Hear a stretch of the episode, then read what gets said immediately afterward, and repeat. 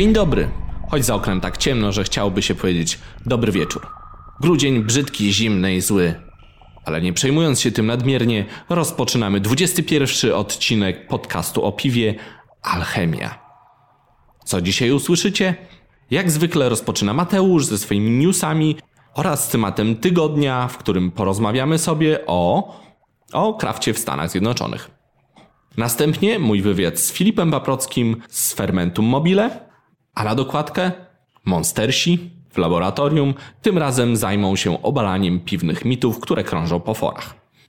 Ja nazywam się Przemek Iwanek i zapraszam Was do wysłuchania 21 odcinka Alchemii podcastu o piwie. Dodatkowo w tym odcinku pościgi, wybuchy i półnagie modelki. Posłuchajcie. Cześć Mateuszu, co nam ciekawego opowiesz? Cześć Przemku i słuchacze. Zaczynamy od wiadomości z Polski tradycyjnie. Otóż inne beczki idą w ekologię. Wprowadzają rozwiązanie amerykańsko-meksykańskiego startupu E6PR, czyli po angielsku Eco Six Pack Ring, który zaprojektował opakowanie na piwo wykonane z odpadów powstałych w procesie ważenia piwa. To pierwsze na świecie w 100% biodegradowalne i kompostowane uchwyty do puszek. Zużyte opakowanie składuje się w kompostowniku, gdzie ulegnie rozkładowi w ciągu kilku dni. Natomiast jeżeli na przykład wyrzucicie taką, takie opakowanie na puszkę gdzieś tam e, powiedzmy do rowu, czy gdzieś zostawicie na trawie, to w ciągu kilku tygodni ona mm, ulegnie zużyciu. Fajny i poręczny gadżet, a przy okazji biodegradowalny, idealnie wpisuje się w panujące trendy. Ja tutaj się oczywiście muszę zgodzić, że bardzo to jest zacnie robić takie rzeczy, które są proekologiczne, ale przede wszystkim chciałbym pochwalić inne beczki za wspaniałą promocję, bo naprawdę poszło to bardzo, bardzo daleko i wszyscy się o tych malutkich ringach na puszki dowiedzieli.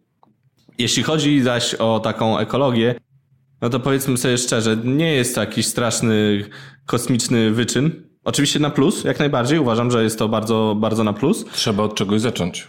Zgadza się, natomiast bardzo chętnie bym przywitał news na przykład, że inne beczki zastąpiły czymś strecza do folii, której się zużywa wielokrotnie więcej w takiej firmie niż, niż te obrączki na, na puszeczki. Stanowi to pewnie tysiąckrotnie większe zużycie folii niż na przykład tutaj, więc jeśli by tego typu rozwiązania inne beczki wprowadziły, albo nie wiem, oszczędność wody, coś nowego, to są rzeczy, które rzeczywiście by się do czegoś przydały. Ale oczywiście na plus, no, te materiały zastępujące plastik powinny wchodzić jak najszybciej. My też będziemy przy tym działać, nie? Mateuszu, coś zrobimy z tym? Tak, jest taki plan tutaj z inspiracji y, Przemka i trochę mojej, żeby w PSPD na konkursach chociażby ograniczyć zużycie plastiku, ale o tym na pewno później Wam opowiemy szerzej. W Mikołajki poznaliśmy wyniki gali nagród PSPD, pierwszej edycji tych nagród. Ogłoszone zostały w siedmiu kategoriach i krótko tutaj chciałbym nadmienić, kto zwyciężył. Otóż w kategorii sklep roku zwyciężył Twój Browar, w kategorii bloger roku Tomek Kopyra, znany z blogu blogkopera.com. Ku zaskoczeniu? O, myślę, że nie. Chociaż walka była do samego końca, naprawdę my tam podglądaliśmy wyniki i dzień przed ogłoszeniem wyników, zamknięciem głosowania właściwie, był bardzo bliski wynik Doroty Chrapek. Ale Tomek nie wytrzymał, jak to powiedział na scenie i puścił informację na blogu, że trwa głosowanie, czym podbił swoje wyniki. No ale cóż, Dorota też puszczała, także wiesz, uczciwie, no nie można tu zarzucić, Oczywiście, że jakieś nielegalne praktyki. Kto tam jeszcze był? Jeśli chodzi o wydarzenie roku, to pierwszy festiwal piwowarów domowych. PSP-dowcem roku został Maciej Hus, a człowiekiem kraftu Ziemek Fałat. Tytuł edukatora piwa przypadł Dorocie Chrapek, o której już żeśmy wspomnieli, a jeszcze była kategoria antysztos, w której nie można powiedzieć, że zwycięzcą, ale została, zostało takie zjawisko nagrodzone jak konflikt między konsumentem a y, browarem. Czyli Antynagrodzony. Bardzo serdecznie wszystkim gratuluję jeszcze raz i do zobaczenia na gali w przyszłym roku. Poznaliśmy wyniki Wikinga, czyli w pełnej nazwie Viking Brewmaster Challenge. Otóż 8 grudnia okazało się, że najlepszym piwem według jurorów oraz degustatorów była wariacja na temat piwa grodziskiego autorstwa, między innymi tego obok mnie tutaj pana, czyli Przemka Iwanka, który był w drużynie białych razem z Małgosią Węgierską z Browaru Warkot, z Józefikiem, czyli z Krzysztofem Juszczakiem z Olbrachta i z Harpagana oraz z Marcinem Lichtarskim, który jest piwowarem domowym i członkiem PSPD. I blogerem. Także Przemku jeszcze raz serdecznie gratuluję i całej drużynie białej. Dziękuję bardzo. Ważenie odbywało się podczas chmielobrania, a tutaj mieliśmy już finalne piwa, które zdążyły się już dofermentować i wyleżakować. Cała impreza odbywała się w The w Warszawie i było bardzo, bardzo sympatycznie. Gratuluję też również wszystkim przegranym. Była ich cała masa, Piękne. ale no cóż, warto, warto pamiętać o przegranych. Pozdrawiam ich serdecznie. Dwunastu ich było. No dobrze, Przemku, a teraz piwo według waszej receptury zostanie wypuszczone na rynek. Znasz jakieś szczegóły? Nie znam jeszcze szczegółów, ale wszystko będzie już jasne wkrótce. Może to jeszcze pokrótce powiedz, jaka była wariacja tego grodziskiego? To było grodziskie z herbatą lapsang, czyli wędzoną oraz sokiem jabłkowym. Tam poszły jeszcze inne dodatki, ale ich nie było czuć, także nie warto o nich wspominać. Grunt, że tu herbata zagrała i sok jabłkowy. Próbowałem to piwo, naprawdę świetne i nie mogę się doczekać wersji komercyjnej. Fajnie, że sok jabłkowy zagrał, bo do końca nie byłem pewien, co z tego wyniknie, ale okazało się, że jest ok.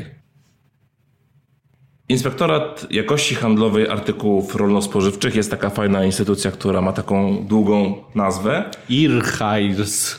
Dokładnie, w skrócie. Nie odpuszcza browarom rzemieślniczym. Otóż urzędnicy wzięli na tapetę obecność na etykietach piw, rodzajów alkoholi innych niż piwo. E, Jak pisze Michał Saks w Ale Browarze, po kontroli została zakwestionowana nazwa whisky stout. No i tutaj dochodzimy do takiego punktu dość kontrowersyjnego, ponieważ toczyła się dość mocna dyskusja później na jej piwce na ten temat, jaki to ten Ichar jest zły. Powiem szczerze, ja mam zupełnie odmienne zdanie, bo ja uważam, że oni robią swoją robotę i robią tą robotę całkiem nieźle.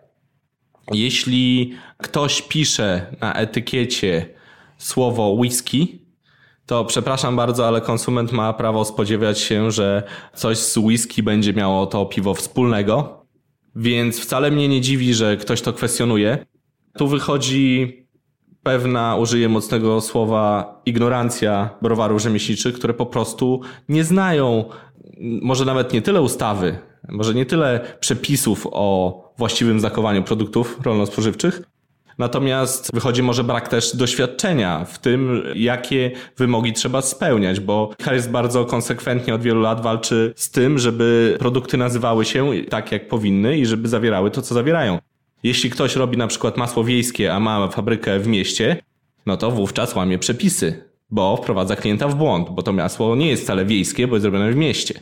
Jeśli Albo jak na przykład y, waży piwo gdzieś kontraktowo, a nazywa to piwo, że jest to piwo z miasta takiego i takiego. Dokładnie tak. Jeśli masz tłuszcz spożywczy, który nie jest masłem, a nazywasz go masło, to cię IHERS dopadnie. Więc tak samo w przypadku browarów zalecam zapoznać się z tym, co jest dozwolone, a co jest niedozwolone, bo naprawdę jest to dość skomplikowana materia. Ale mili Państwo, nie bądźmy ignorantami, nie mówmy, że IHERS robi złą robotę. Uważam, że robią bardzo dobrą robotę. Może wprowadzimy taki nowy dział w alchemii. Przemek apeluje. Możemy. Przemek apeluje. Dobrze. Browary, czytajcie, zapoznawajcie się. Nauczcie się, nauczcie się, moi Państwo. Nie, no to trochę żarty, Nie natomiast... żartujemy, no, ale to są bardzo ważne sprawy. są ważne sprawy, no bo jeśli ktoś zechce sobie na przykład szampan napisać na etykiecie, no to niech się później nie dziwi, że ktoś ma do niego pretensje. Nazwa whisky również jest e, zarezerwowaną i opisaną nazwą, czym jest ten produkt, więc no cóż, trzeba bardzo uważać na to, co się pisze na etykiecie. Polecam się z tym zapoznać. A to wcale nie jest praktyka no, jakaś wyjątkowa, bo widziałem na etykietach piwa naprawdę rzeczy, przy których łapałem się za głowę, mając pewne doświadczenie w pracy z e który mi kwestionował pewne rzeczy. Bo to są rzeczy, które podpadają również pod ustawę o wychowaniu w trzeźwości, na przykład nawoływania do picia piwa. Pijcie piwo takie i takie. Pijcie piwo grodziskie to było dobre hasło przed wojną, natomiast dzisiaj już niestety nie przejdzie i wszelkie nawoływanie do spożywania alkoholu podpada pod ustawę o wychowaniu w trzeźwości na przykład. Także moi drodzy, czytajcie, dowiadujcie się co można, a co nie można, bo poruszacie się po bardzo śliskiej materii. A teraz koncernowe kolosy zmieniają prezesów i to już od 1 stycznia. Dotyczy to zarówno grupy Żywiec, jak i Carlsberg Polska. Jak udało się dowiedzieć, obaj panowie są podobno, uwaga, fanami kraftu. Co to będzie teraz? Nowy prezes Carlsberga, wcześniej pracując w Szwecji, wprowadził dystrybucję piw niezależnych browarów kraftowych przez Carlsberga właśnie w tym kraju. Dlaczego o tym wspominam? Bo może to spowodować znaczne wejście koncernów w segment krafty oraz w rynek browarów rzemieślniczych. Wieszczymy to już od jakiegoś czasu. Ciekawe, czy to się stanie. No właśnie. I pytanie, czy to jest pozytyw, czy zagrożenie dla kraftu? Zobaczymy. Wieści ze świata. 40 lat temu wydano pierwszy egzemplarz znanego chyba na całym świecie wśród piwowarów domowych i rzemieślniczych, wydawanego przez American Homebrewers Association magazynu Zymurdży. Z tej okazji na stronie AHA jest dostępny magazyn z 1978 roku w PDF-ie. Zachęcam do lektury i porównania, jak kiedyś, a dziś jest pokazywana i przekazywana wiedza i informacje o piwowarstwie. I jeszcze jedna ciekawostka z koncernów. Otóż Up InBev jest ze stratami. I to nie byle jakimi. Największy producent piwa na świecie ma spore kłopoty, ponieważ agencja ratingowa Moody's, taka chyba już znana w Polsce dosyć z różnych innych biznesowych kręgów i e, ratingów, obniżyła ocenę wiarygodności kredytowej firmy, co utrudni spłatę jej długów, które sięgają w tym momencie, uwaga, Przemku, zgadniesz ile? Nie mam pojęcia. 100 miliardów dolarów, czyli w przeliczeniu mniej więcej tyle, ile wynosił budżet Polski w 2017 roku. Straszne rzeczy. Straszne. Będzie droższe piwo koncernowe, w Stanach przynajmniej. No właśnie, i w koncernach ubywa, a w kraftach rośnie? No na to wygląda, ponieważ przechodzimy teraz do tematu odcinka. Temat odcinka. Kraft rośnie w siłę za oceanem, ale i na starym kontynencie. Skoro jesteśmy już w Stanach i opowiadaliśmy o Up InBev, to kilka dni temu Brewers Association zaprezentował swój roczny raport. Jak stwierdziła Julia Hertz z władz stowarzyszenia, pomimo iż krajobraz branży ciągle się zmienia, to małe i niezależne browary cały czas odnoszą sukces na rynku. Dodała też, że browary wciąż znajdują sposoby na to, aby wyróżnić się spośród konkurencji, m.in. poprzez kreowanie oraz kontakty ze społecznością miłośników piwa kraftowego.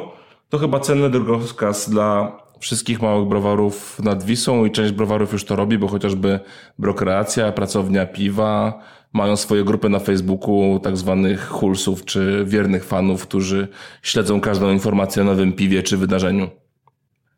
Kilka statystyk z raportu. Ponad 7 tysięcy browarów w USA i jak twierdzi Brewers Association, jest to 20% wzrost rok do roku. W analogicznym raporcie w 2017 roku została podana liczba 6 tysięcy browarów. Ja jest to- nipełne 20%. Zastanawialiśmy się z Przemkiem przed nagrywaniem, dlaczego została podana taka liczba wzrostu. No trochę to zakrąglili. Przemek też dysponuje innymi danymi. No na pewno y, wzrost jest, to niewątpliwie ja, ja znalazłem gdzieś, że raczej bliżej 11, no ale nie kłócąc się o liczby, na pewno wzrost jest i to wzrost dość znaczny.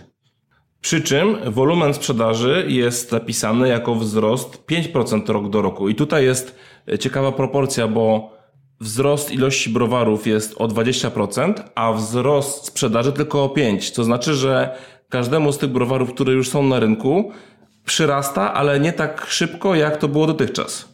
Albo, że mają trudniej ze sprzedażą, na co skarżą się również browary w Polsce. Nie wiem, czy wiesz o tym, Mateuszu. Wiem, wiem, rozmawialiśmy też kilka razy na alchemii o tym.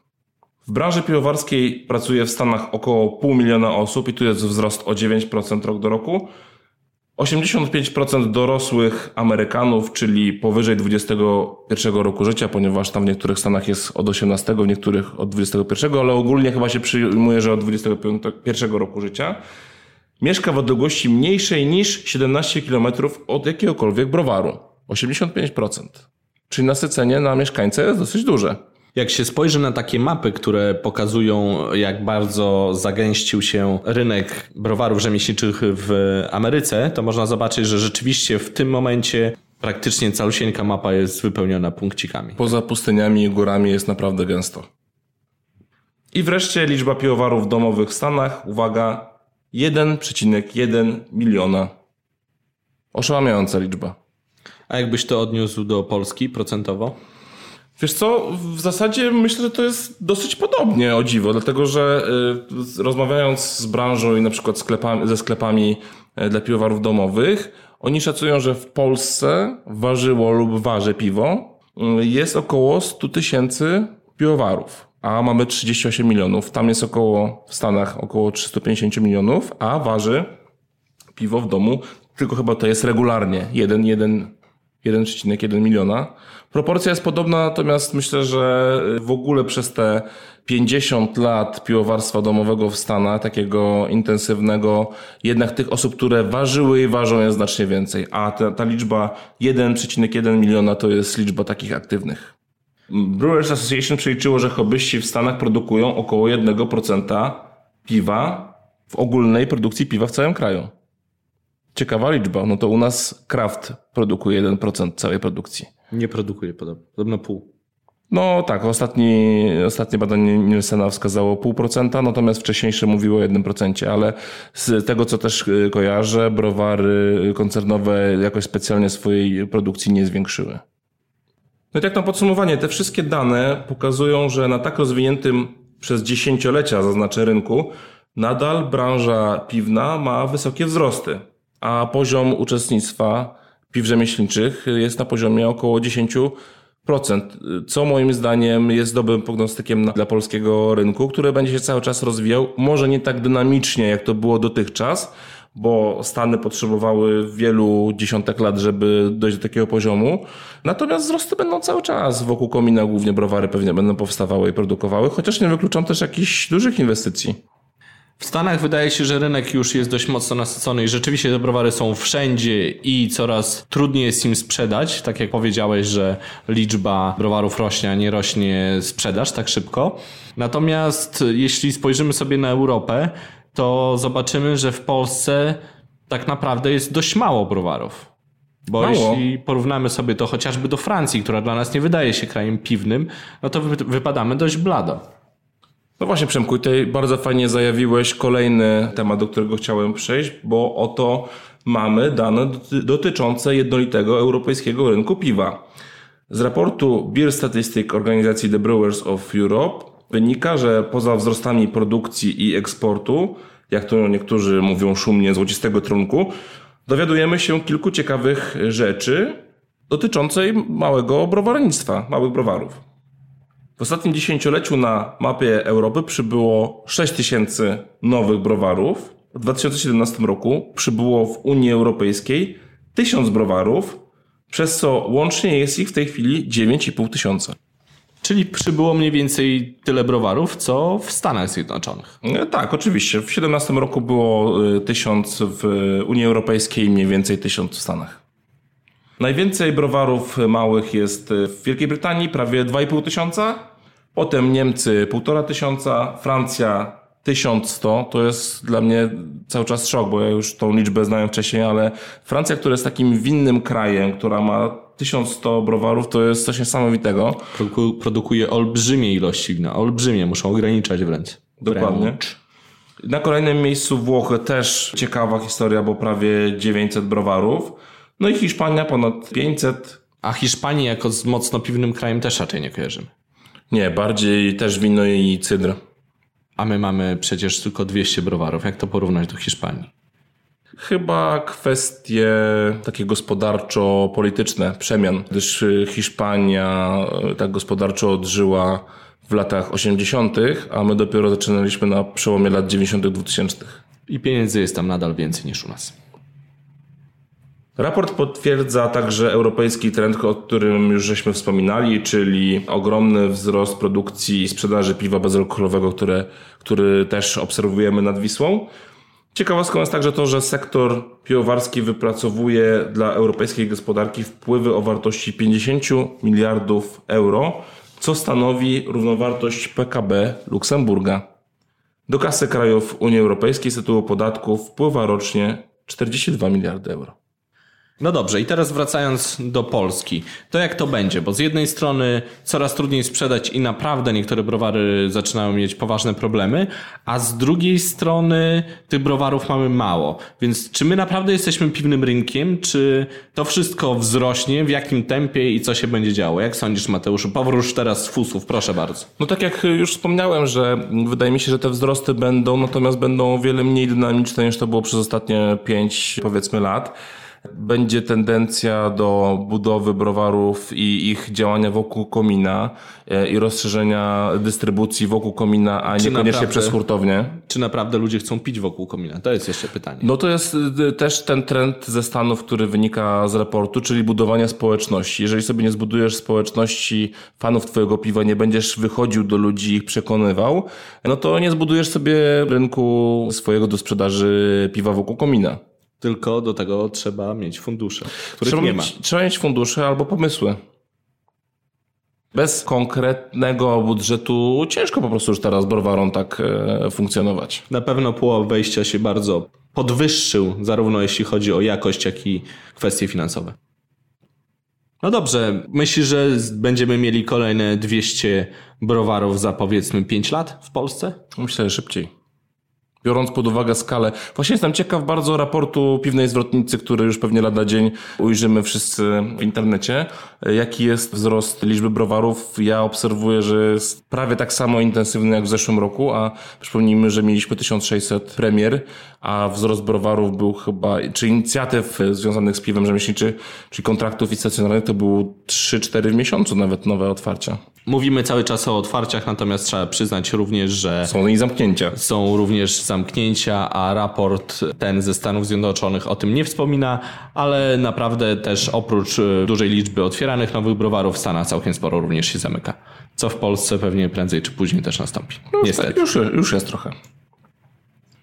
Teraz trochę o konkursach. 8 grudnia poznaliśmy zwycięzców czterech kategorii mikołajkowego konkursu piw domowych w Krakowie.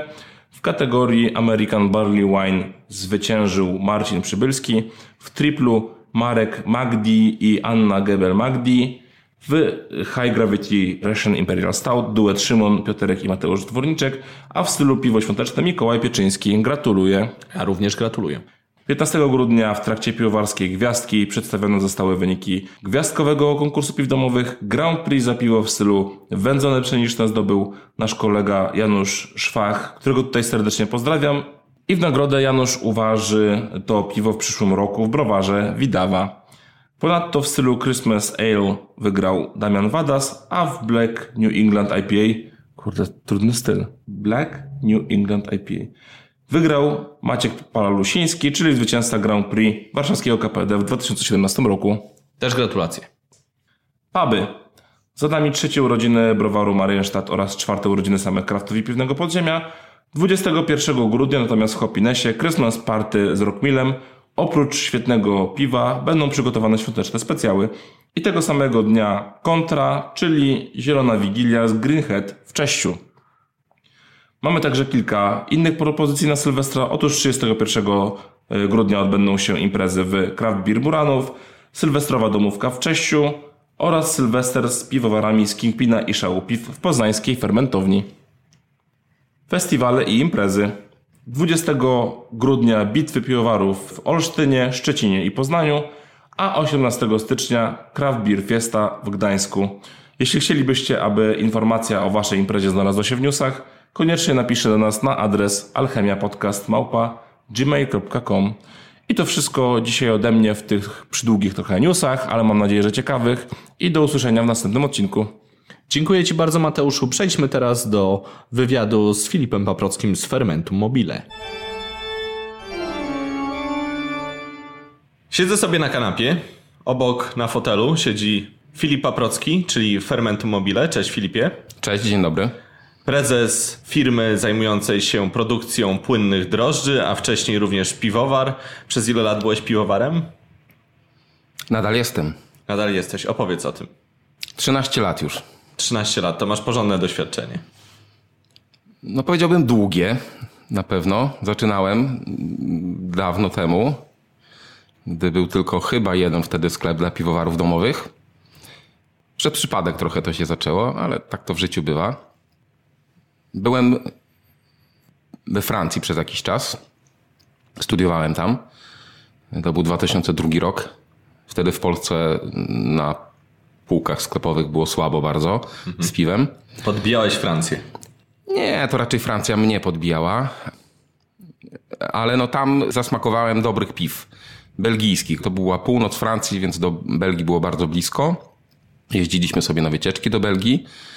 No i w supermarketach takich dużych nawet były, były takie fajne, yy, smaczne bardzo belgijskie klasztorne piwka i bardzo mi smakowały. Po powrocie do Polski obudziłem się na pustyni.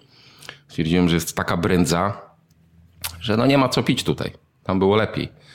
Przez przypadek wpadł mi w ręce no, artykuł o ludziach, którzy robią żywność samodzielnie. Taką żywność, która już dzisiaj jest produkowana w dużych zakładach, a oni wracają do korzeni i robią to samodzielnie. Było o ludziach, którzy pieką chleb, którzy wędzą wędliny swoje, sery i było też wzmianka właśnie o ludziach, którzy ważą piwo. I ja tak otworzyły mi się oczy bardzo szeroko, że można piwo zrobić w domu i zacząłem szukać, znalazłem z kolegą z pracy, zapaliliśmy się do tego razem i stwierdziliśmy, że, że spróbujemy.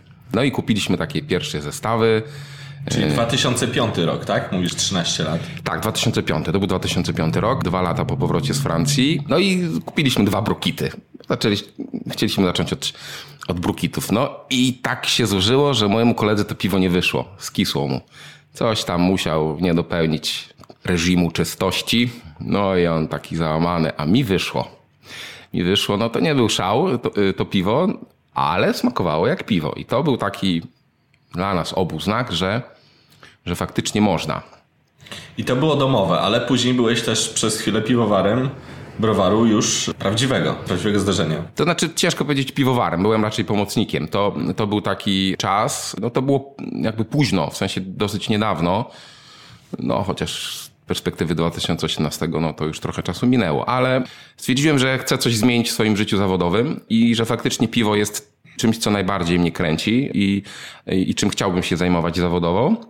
No i taki moment właśnie był, że, że, że coraz to nowe browary się otwierały i ja chciałem w jednym z nich pracować. I tak zrobiłem. Zatrudniłem się najpierw w browarze Kaszebska Koruna w Szymbarku, koło Gdańska, taki, taki tam jest skansen i, i, i też właśnie mini browar. A później dosyć szybko przyszedłem do nowo otwartego browaru Lubrow w Gdańsku Głównym naprzeciwko dworca i tam praktykowałem, że tak powiem, i tam pracowałem.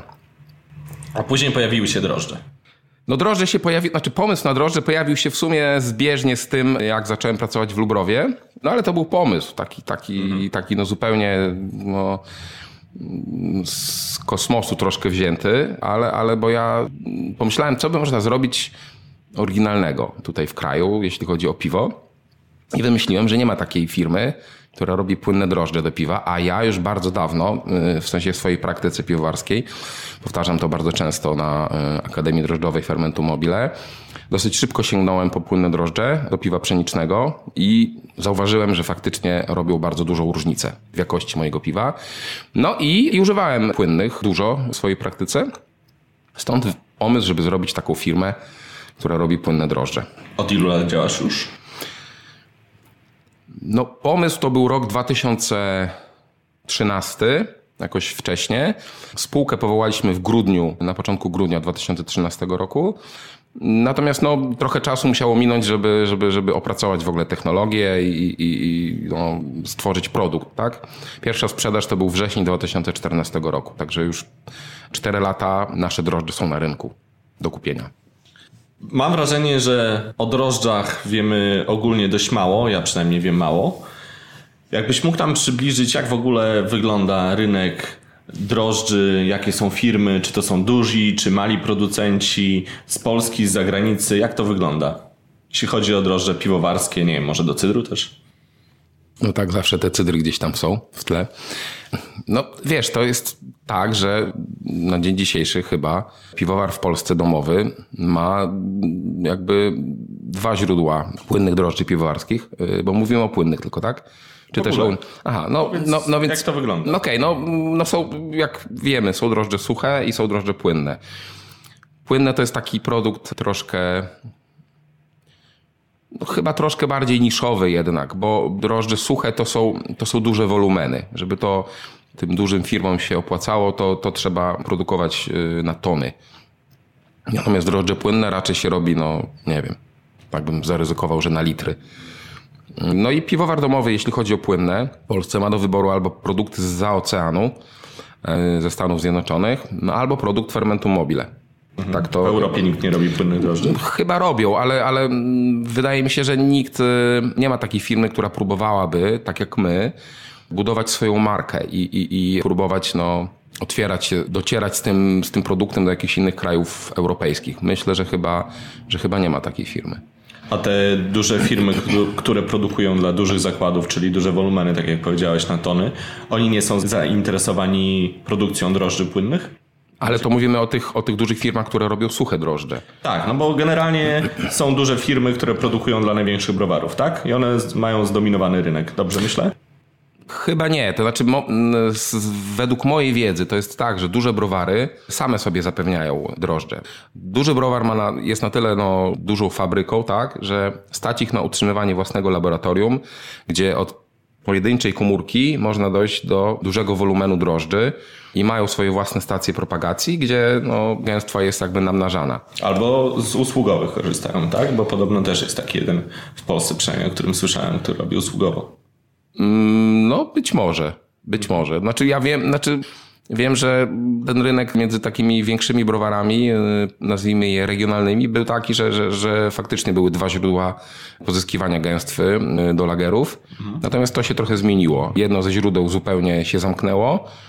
A drugie też mocno ograniczyło. I tego co wiem, to, to, to jest jakby pod tym względem trochę gorzej. Czyli duże browary mają swoje własne stacje. Duże browary mają swoje własne stacje propagacji. No chcą być niezależne, jest to w pełni zrozumiałe. Chcą mieć pełną kontrolę nad procesem namnażania drożdży. Wcale, a wcale mnie to nie dziwi. A średniaki? No średniaki zależy. Jedni mają swoje własne stacje, inni nie mają. Znam, znam e, kilka takich browarów, troszkę bliżej. Jedne mają stacje propagacji, inne nie. A małe browary? Małe, czyli? No, mikrobrowary, kraft.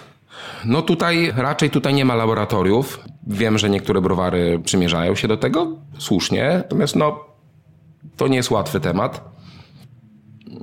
I stacji propagacji raczej jako takich też nie mają. Moim zdaniem stacja propagacji w mikrobrowarze nie ma racji bytu. To znaczy, to jest trudne, żeby od drożdży wysianych na płytkę y, spożywką y, dojść do dużego wolumenu. Trzeba naprawdę się napocić, w sensie trzeba z- zapewnić odpowiednie warunki laboratoryjne, żeby to dobrze poszło. Mm, Oczywiście nie jest to niemożliwe, ale to wymaga wielu nakładów i przestrzegania wielu reguł. Browar to browar. No, ja... Tu się pojawia Filip z Fermentu Mobile i przywozi drożdże. No tak to się dzieje, ale, ale no, y, nie mówię tego dlatego, że że mam w tym jakiś interes. Po prostu wiem, jak to wygląda. Pracowałem w browarach, wiem, jak praktyka i codzienność w browarze wygląda. Jest taka, jaka jest. To jest po prostu zakład produkcyjny produkujący piwo. To nie jest apteka, tak? I nie będzie raczej nigdy. Więc i, jeśli kogoś na to stać, super. Niech zakłada swoje własne laboratorium, ma własne propagatory ale często może być kogoś nie stać, albo, albo może po prostu nie chcieć się w to bawić, tak? Woli polegać na, na zewnętrznym dostawcy, zrobić tak zwany outsourcing. I ty jesteś taką firmą outsourcującą, czyli dostarczającą drożdże. Tak? Chcesz taką być? Tak, no i taką jestem tak naprawdę, bo my mamy laboratorium, mamy odpowiednie warunki, mamy, mamy ludzi, którzy na tym się znają, na mikrobiologii, na pracy laboratoryjnej i, i po prostu browar, piwowar nie musi martwić się o to, jak namnożyć te drożdże, tylko po prostu dostaje od nas gotowy produkt, który trzeba tylko wlać w odpowiednim momencie do tanku i działa. Czyli firma Fermentum Mobile zajmuje się z jednej strony piwowarstwem domowym, z drugiej strony browarami rzemieślniczymi głównie. Tak, jest, tak jest. To, to są dwie grupy naszych, y, dwie grupy odbiorców naszych produktów. A średnie browary zdarza się, że kupują od ciebie jakieś drożdże? W sensie takie regionalne. No, takie troszkę większe. już. Zdarza się, tak, tak, tak. Są, y, Mhm. Czują to już? Są też takie przypadki. Czują? To znaczy potrzebę kupowania drożdży płynnych. Tak, czują. Czują. To pierwsze jakieś takie sygnały od, od takich większych browarów były już bardzo dawno temu. A duże browary? Duże browary nie. A myślisz, że kiedyś sprzedasz do dużego browaru? Nie wiem. Tyskie na przykład? Jak browar w Tychach? Czekam na telefon. To może przejdźmy do pytania, dlaczego właściwie płynne drożdże, a nie suche? No, płynna forma jest taką naturalną formą życiową dla organizmów, jakimi są drożdże. Stworzenia wodne. No tak, no jakby całe życie na Ziemi oparte jest na wodzie, tak? W wodzie powstało i tak dalej. Także no to jest, to jest taka substancja, która do życia jest y, niezbędna. Ile każdy z nas ma litrów krwi w sobie? 7 litrów? Krwi samej, chyba. Coś takiego, tak? Dorosły człowiek, a, a w ogóle z wody się składamy w ilu? Ja nie wiem, w 60% czy nawet więcej. 60, 70, Y, o ile się nie mylę. jeśli jakiś lekarz czy inny biolog nas słucha i gadamy bzdury, no to przepraszamy. Ale, ale no, ten, ten procent zawartości wody w organizmie człowieka jest też no, w miarę wysoki. No więc drożdże tak samo mają, albo nawet i więcej. Tak? Są to organizmy jednokomórkowe i one są uwodnione. Ten proces pozbawiania ich wody w celu zakonserwowania ich, no nie jest dla nich do końca na- naturalnym procesem. No, nawet nie do końca. Wcale nie jest e, dla nich e, naturalnym procesem. To się udaje, być może kiedyś ludzi tak będzie można zakonserwować. I, Wysuszyć. No nie wiem, zamrozić, wysuszyć, wysłać na inną planetę i tam namoczy się ich w wodzie i będzie ok. Walt Disney chyba leży w lodówce. No tak, tak, tak. No więc nie wszystkie szczepy drożdży, bo szczepów drożdży jest bardzo dużo, nie wszystkie szczepy drożdży dobrze się nadają y, do formy suchej. Po prostu nie wszystkie dobrze to znoszą, a y, taki, takie drożdże suche, jeśli mają mieć sens, to dużo y, komórek w takim, w takim granulacie musi być żywych. Bo inaczej no to trochę nie ma sensu. Więc to dlatego nie wszystkie szczepy drożdży są w formie suchej. Tak? To, jest, to jest jedna z przyczyn, bo, bo po prostu nie wszystkie szczepy dobrze ten proces znoszą. To ile mamy szczepów i jakie mamy szczepy w formie suchej, to jest zawsze kompromis pomiędzy tym, jaki profil dane drożdże wnoszą do piwa, a tym, jak przeżywają ten proces e, suszenia. No dobra, no ale to jest taki argument, powiedziałbym, nie najmocniejszy. No bo w takim razie weźmy dwa razy więcej sucharów i będzie to samo, czy nie? No nie, ale ja mówię tutaj o jakości, a nie o ilości. Mówię o tym, że chcąc zrobić określone piwo, na przykład klona jakiegoś tam belgijskiego klasztornego ale'a, możemy po prostu w formie suchej nie znaleźć odpowiedniego szczepu drożdży, a w formie płynnej prawdopodobnie znajdziemy. Tu jesteśmy w drożdżach suchych trochę ograniczeni. To jest jeden plus drugi. No to jest najważniejszy plus tak naprawdę moim zdaniem. Drugi, mm, no że ten, ten profil, tak? Znów, znów y, mówiłem o tym kompromisie y, między tym, co drożdże suche wnoszą, a jak przeżywają to suszenie. Więc ponieważ jest to kompromis, moim zdaniem, ale to jest tylko moja opinia, moim zdaniem ten, ten kompromis jest przesunięty raczej w stronę tej przeżywalności, a nie w stronę tego, jaki profil dane drożdże tworzą, tak? Profil smakowo-zapachowy w piwie. No bo to jest jakby mm, chyba, no to jest jednak kluczowe i wynika z tego, że jeśli płynne drożdże robią lepsze piwa. Ja tak uważam. To nie jest tak, że na suchych... Badania, oczywiście wiesz, jak to w internecie. Masz na to badania? Nie mam. Nie, nie, nie. To jest moja opinia. Moja prywatna jako piwowara domowego. Gdybym, gdybym y, tak nie uważał, nie zająłbym się tym, bo ja wierzę w to, co robię i mam do tego przekonanie. Zawsze, zawsze uważałem, że gdy zakłada się własną firmę, to trzeba w to wierzyć. Opowiem taką anegdotkę małą. Tak, jeśli mogę. Znaczy, to jest z życia wzięte. A zabawne będzie? A nie wiem, może suchar. Mój tato tak wiele lat temu y, namawiał mnie do tego, no tak, może nie do końca poważnie, ale no coś w tym zawsze było. No wiesz, Filip, kupiłbyś tam pod Gdańskiem kawałek ziemi, nie jest droga, to było dawno temu. Nie jest droga, postawiłbyś tam kawałek fabryki i coś byś robił. Ale tato, co bym robił? A to nieważne, już nie wiem, miotły, szczotki, cokolwiek, ale byś robił. No i więc ja tak nie potrafię, tak? A mógłbyś teraz zrobić tam drożdże. no ja wiem, ale no to wiem teraz, tak? E, Ale, ale no nigdy, e, nigdy w swoim życiu nie chciałem prowadzić własnego biznesu. Nie było mi to do szczęścia potrzebne. Natomiast gdy wymyśliłem fermentum, w sensie wpadłem na taki pomysł, no to stwierdziłem, nie ma wyjścia. To jest faktycznie coś, co mnie kręci, więc muszę spróbować. No jeśli tego nie spróbuję, no to, to będę żałował e, do końca życia. No i spróbowałem. Póki co nie zawiodłem się, ale zobaczymy, co będzie dalej.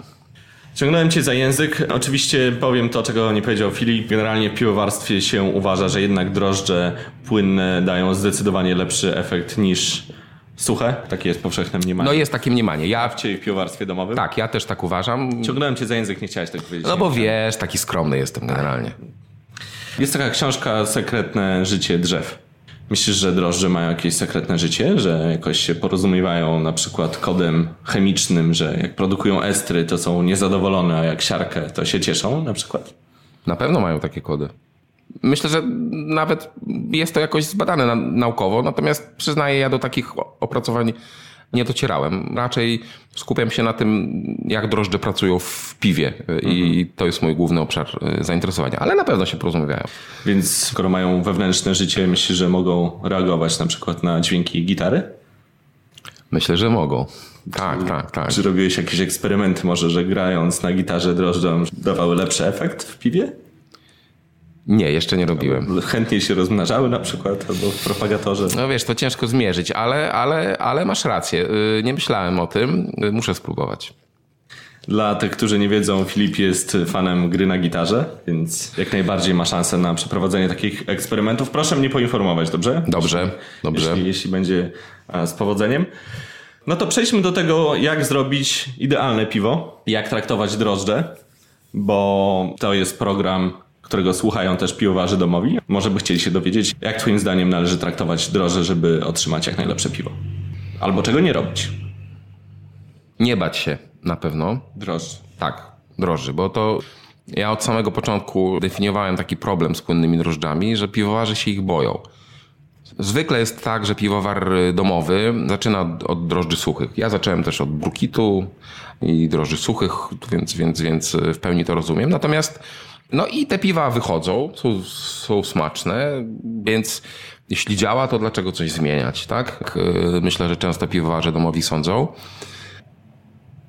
warto spróbować, żeby no, przekonać się, żeby, żeby, żeby, żeby wnieść do swoje piwowarstwo, swoje piwa na troszkę wyższy poziom, tak? A może obawiają się, nie wiem, procedury przygotowania tych drożdży? Być może, jak? tak, tak, To tak, tak, tak. powiedzieć. No więc to, to yy, tak jak mówię, ja zdefiniowałem ten, ten, ten problem, tak? Jakby problem dla mnie, że piwowarze nie wiedzą, jak się yy, posługiwać spłynnymi drożdżami, więc lepiej po nie nie sięgać, bo a, coś się nie uda i tak dalej, tak?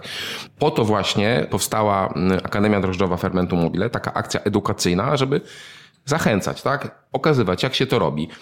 Z drożdżami płynnymi jest dosyć prosto. Po prostu należy zrobić starter drożdżowy, najlepiej w kolbie, aczkolwiek nie jest to konieczne obowiązkowo. Zrobić starter w kolbie, nawet bez mieszadła magnetycznego. Ja obecnie już robię startery bez mieszadła. Gotowuję brzeczkę w kolbie, wlewam tam fiolkę drożdży, inkubuję to 24 godziny i wlewam cały starter y, do piwa. To jest jak zr- zrobienie zaczynu drożdżowego do chleba. Okej, ale jak ważysz piwo, to czasami nie masz tej brzeczki, więc skąd ją wziąć? No dopiero będziesz miał, prawda? Tak, no więc y, posiłkuję się tutaj płynnym ekstraktem słodowym. Mam zawsze w lodówce słoik z płynnym ekstraktem słodowym, tym takim gęstym syropem i to jest mój taki wyjściowy surowiec do zrobienia sobie, nie wiem, 800 ml, litra, półtora litra brzeczki i to jest, y, i to jest brzeczka mojego startera. Przygotowujesz go wcześniej? Tą brzeczkę. Ten ekstrakt. No jasne, tak, tak, tak. No, czy y, rozpuszczam ten płynny ekstrakt, można te- też oczywiście użyć ekstraktu w proszku. Rozpuszczam go w wodzie, żeby gęstość tej brzeczki była mniej więcej około 10 Belgie. Nie powinna być znacząco niższa, nie powinna być zn- znacząco wyższa. Około 10 tak jest chyba najlepiej. Tak, oczywiście przygotowuję to w kolbie, tak. Po to właśnie kolba służy, dlatego jest najlepsza, bo możemy w niej zagotować tą brzeczkę. Ona jest ze szkła takiego żaroodpornego i możemy postawić ją bezpośrednio na gazie, jeśli ktoś ma gaz oczywiście. Jak ma indukcję? no to, tro, no, tak, no, no to nie wiem, jak to zrobić. Ja w ogóle nie wiem, jak e, ta indukcja jakieś działa. płytki takie. Chyba są takie płytki. Tak, tak, tak. No więc no to tak, trzeba, trzeba, trzeba w coś takiego się zaopatrzyć. Gotujemy brzeczkę w kolbie, czyli jałowimy od razu naczynie i tą naszą brzeczkę. I, I robimy to w tym naczyniu, w którym będzie prowadzona ta inkubacja drożdży. Więc to jest najlepszy przypadek. Nie ma żadnego przelewania. Każde przelewanie, każda ekspozycja brzeczki na otwarte powietrze to jest jakieś tam ryzyko potencjalnego zakażenia. Tak? A jak nie ma kolby, to w czym? No to możemy w słoiku. Ja kiedyś robiłem bez kolby. Że może pęknąć podczas gotowania. Nie, nie, to słoik albo taka duża butelka służy tylko do, mm, do samej jakby hodowli drożdży. Brzeczkę tą z ekstraktu słodowego gotowałem wtedy w rondelku pod przykrywką. Chłodził, Trzeba umyć po zupie. Tak, trzeba umyć po zupie, po grochowej na pewno, po górkowej, no może pH się trochę obniży wtedy, no, mo- może być ciekawie wtedy, ale w rondelku pod przykryciem chłodzimy koniecznie pod przykryciem, słoik sobie też jałowimy, myjemy go, jałowimy go i przelewamy szybkim ruchem z tego rondelka do słoika, nakrywamy go czy przykrywką, czy folią aluminiową, wlewamy tą fiolkę drożdży, dobrze zamieszaną i, i, i, od, i odstawiamy. Y, Tak, oczywiście, po, po wystudzeniu. Brzeczka musi mieć temperaturę pokojową. Czy oprócz brzeczki można użyć czegoś innego? Nie wiem, roztworu cukru z wodą, czy bez sensu? Nie, to nie jest dobry sposób, bo cukier jest tylko no, źródłem energii dla drożdży, ale nie ma w takim roztworze cukru składników, z których drożdże mogą sobie zbudować jakby kolejne pokolenie, tak? Nie ma, nie ma, sobie nie mogą budować sobie drogi. Nie, nie, no w sensie dzieci nie mogą mieć, o tak, tak. Nie ma tam innych składników, które są drożdżom niezbędne do wzrostu po prostu komórek, jak aminokwasy i mikro, makro elementy. Brzeczka to wszystko ma, więc brzeczka jest najlepsza. Roztwór cukru nie jest dobry. To jeśli wlaliśmy już do wystudzonej brzeczki zamkniętej szczelnie wygotowanej te drożdże, to co wtedy? No, odstawiamy w ciepłe miejsce. Najlepiej, żeby ten słoik czy ta butelka były na tyle duże, żeby, żeby, żeby tej brzeczki nie było aż po samą górę, aż po, bo drożdże mogą po prostu wyjść z tego naczynia, więc dobry jest taki półtora, dwulitrowy słoik po ogórkach konserwowych. O, to bym tak polecał. Takie są duże, teraz idą święta. Mogą pachnieć ogórkami później, No, mo- przykrywkę. no, mogą, no mogą. No to zmienimy przykrywkę albo, albo, albo tą folię mm, aluminiową faktycznie zastosujmy. No więc y, do takiego dwulitrowego słoika, jak wlejemy litr tej brzeczki, to będzie super. Odstawiamy w ciepłe miejsce. Raz na jakiś czas mieszamy to wszystko, żeby, żeby te drożdże z- z- zawiesić w objętości, w całej y, objętości tej brzeczki. Ile czekamy? Około 24 godzin, aczkolwiek to zależy też od, od wielu czynników, od tego, czy fiolka była super świeża, czy była blisko swojego terminu y, minimalnej trwałości. Czasami starter, znaczy, gdy się, gdy się hoduje starter mm, na mieszadle, trochę, trochę mniej to widać, bez mieszadła trochę bardziej, chociaż, o, może nie do końca, ale, ale y, gdy ja nie używam y, mieszadła, po prostu widać, że starter żyje. Tam zachodzi taka mała fermentacja, tak? I, e, i po prostu widać, gdy, gdy te drożdże pracują. Więc warto starter obserwować, zobaczyć, kiedy on wystartował, ruszył, tak? Kiedy to życie tam, tam się obudziło i mm, około po 24 godzinach to jest taki dobry moment do, do wlania startera do głównej porcji brzeczki. Można trochę dłużej. Może bezpiecznie jest troszeczkę dłużej niż za krótko, ale nie czekajmy na przykład trzech dni. No, to, to, znaczy nic się nie stanie też, ale, ale, ale lepiej drożdże zadać do głównej porcji brzeczki w momencie, gdy one jeszcze są w fazie rozmnażania, w fazie takiego y, szybkiego metabolizmu. One wtedy najszybciej w głównej porcji brzeczki podejmą pracę. A Okej. na, na tym nam tak naprawdę zależy, żeby fermentacja w głównej porcji brzeczki szybko ruszyła. Czyli w piątek po pracy nastawiamy sobie starter, a w sobotę od rana ważymy i po południu, jak już uważymy tą swoją brzeczkę i wystudzimy, dodajemy starter. Bardzo dobry plan. Po prostu już go wlewamy, nic więcej, tak? Znaczy, są dwie szkoły, bo, bo zależy jak duży mamy ten starter. Ja robię takie, y, no powiedzmy, do litra. Ja, ja mi w mojej praktyce jakby piwowara domowego zależy mi najbardziej na tym, żeby drożdże dodać w fazie właśnie tego rozbudzenia, tak? I dlatego wlewam cały starter. Jest taka szkoła, żeby, żeby nie wlewać tej brzeczki starterowej, bo ona jest z tego ekstraktu i tak dalej. Więc yy, piwowarzy niektórzy robią tak, że starter chłodzą najpierw po tej inkubacji tam 24 czy 48 godzinnej. Chłodzą tak, żeby drożdże opadły sobie, zlewają tą, tą brzeczkę starterową, że tak powiem wykorzystaną już przez drożdże i dodają samą tą gęstwę. Tylko no, to trwa dłużej, to na dole co, co, co, co się osadzi. Oczywiście w przypadku lagerów, no to Zwykle tak trzeba robić, bo nie należy przy zaszczepianiu fundować drożdżom szoku temperaturowego, a ponieważ lagery to jest fermentacja w niskiej temperaturze, to drożdże też powinny być schłodzone do niższej temperatury, natomiast inkubowane, hodowane w wyższej temperaturze. Tak jak drożdże górnej fermentacji. No dobrze, myślę, że większość wątpliwości została już wyjaśniona. Więcej można dowiedzieć się na Akademii Drożdżowej Fermentu Mobile, tak? No tak, trochę więcej. Można Ciebie wtedy podpytać, kiedy, jak, gdzie, gdzie się pojawia ta Akademia. No to jest takie wydarzenie, ja to jakiś czas temu nazwałem to latającym cyrkiem drożdżowym, jestem miłośnikiem latającego cyrku Monty Pythona, stąd, stąd taka nawiązanie do tego, no bo to jest taki trochę cyrk, pojawia się to raz tu, raz tam. Jest show, byłem, widziałem. No tak, raz jest większe show, raz jest mniejsze, ale no staram się bywać jakoś w miarę regularnie w największych miastach Polski. Pamiętam pierwszego roku, to był 2014 i 15, odwiedziłem 14 miast. To był, to był duży tour. No a teraz tam, gdzie, że tak powiem, rzuci mnie los, tam jest i akademia. Gdzieś można znaleźć jakieś informacje. Oczywiście, znaczy każda akademia jest, ma swoje wydarzenie na fanpage'u Fermentu Mobile, więc staram się z jakimś takim kilkutygodniowym przynajmniej wyprzedzeniem o Akademii poinformować, więc, więc najlepiej na naszym fanpage'u szukać tych informacji. Już w tym roku na pewno Akademii nie będzie. Ostatnio dużo jeździłem i troszeczkę jestem tym zmęczony. Rok nam się kończy. Ale rok nam się kończy, więc myślę, że na wiosnę zaplanuję taki, taki tour i, i, i trasę i odwiedzę, mam nadzieję, te miasta, gdzie już dawno nie byłem. Na przykład Gdynię. No nie, byłem, byłem, byłem. Czasami taki tak jest. trójmiejski żart. Tak, tak, czasami pod latarnią najciemniej, tak, tak, tak, taki trójmiejski żart, ale Akademia na pewno będzie trwała, także, także lećcie i jesteście tylko zainteresowani, na pewno będziecie mieli okazję. Wróćmy jeszcze na chwileczkę do twojej firmy, do Fermentu Mobile. Jak wygląda jej skład? Ty jesteś prezesem, to już wiemy.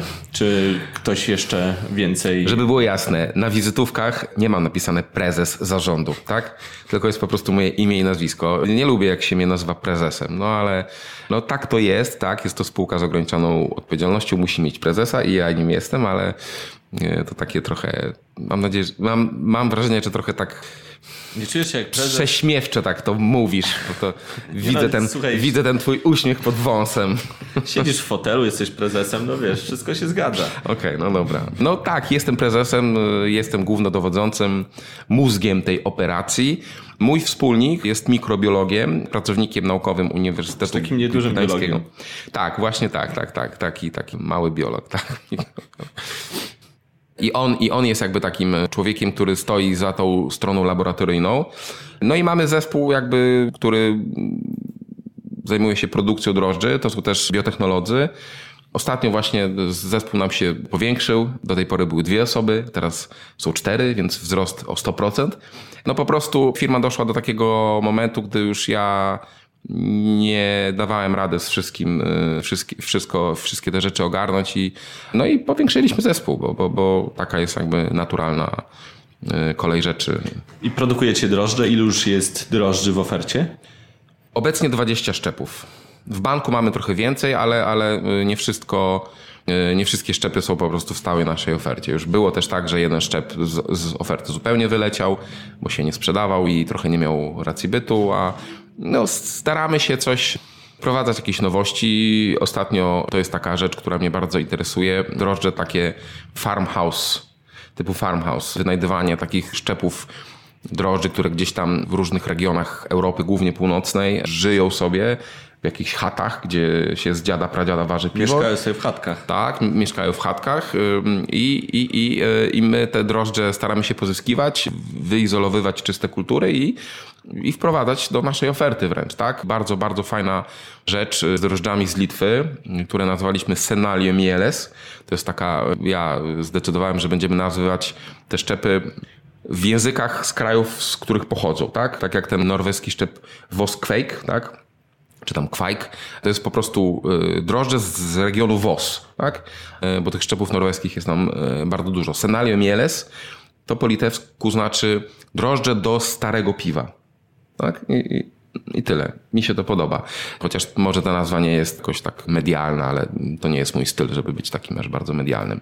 No i takiej właśnie chaty gdzieś tam nad Niemnem, rozciągnionym, szeroko, modrym, nie, y, to Dunaj był.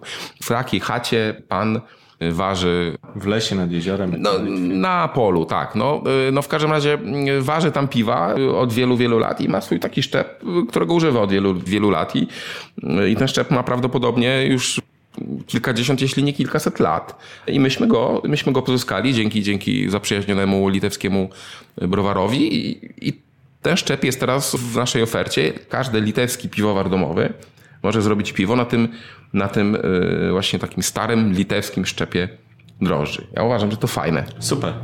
Będzie więcej takich eksperymentów jeszcze?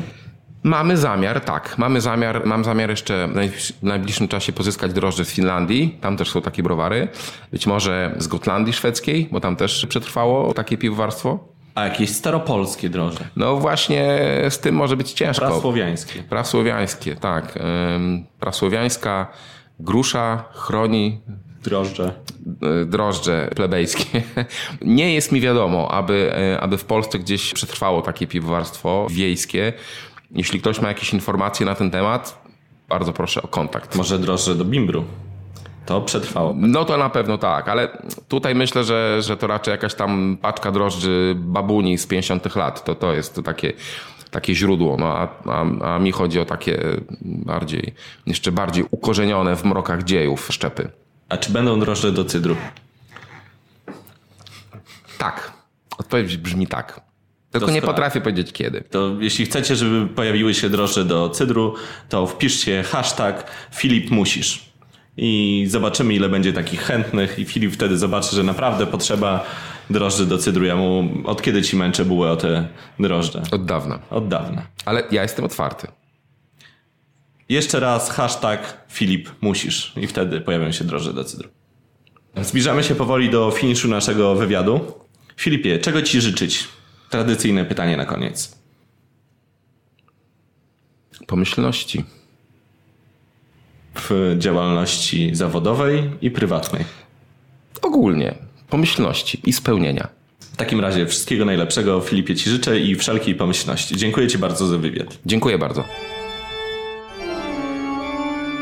Gdy wywiad dobiegnie końca, pora udać się do laboratorium, w którym nietoperze, pajęczyny, sowy, kurz i monstersi.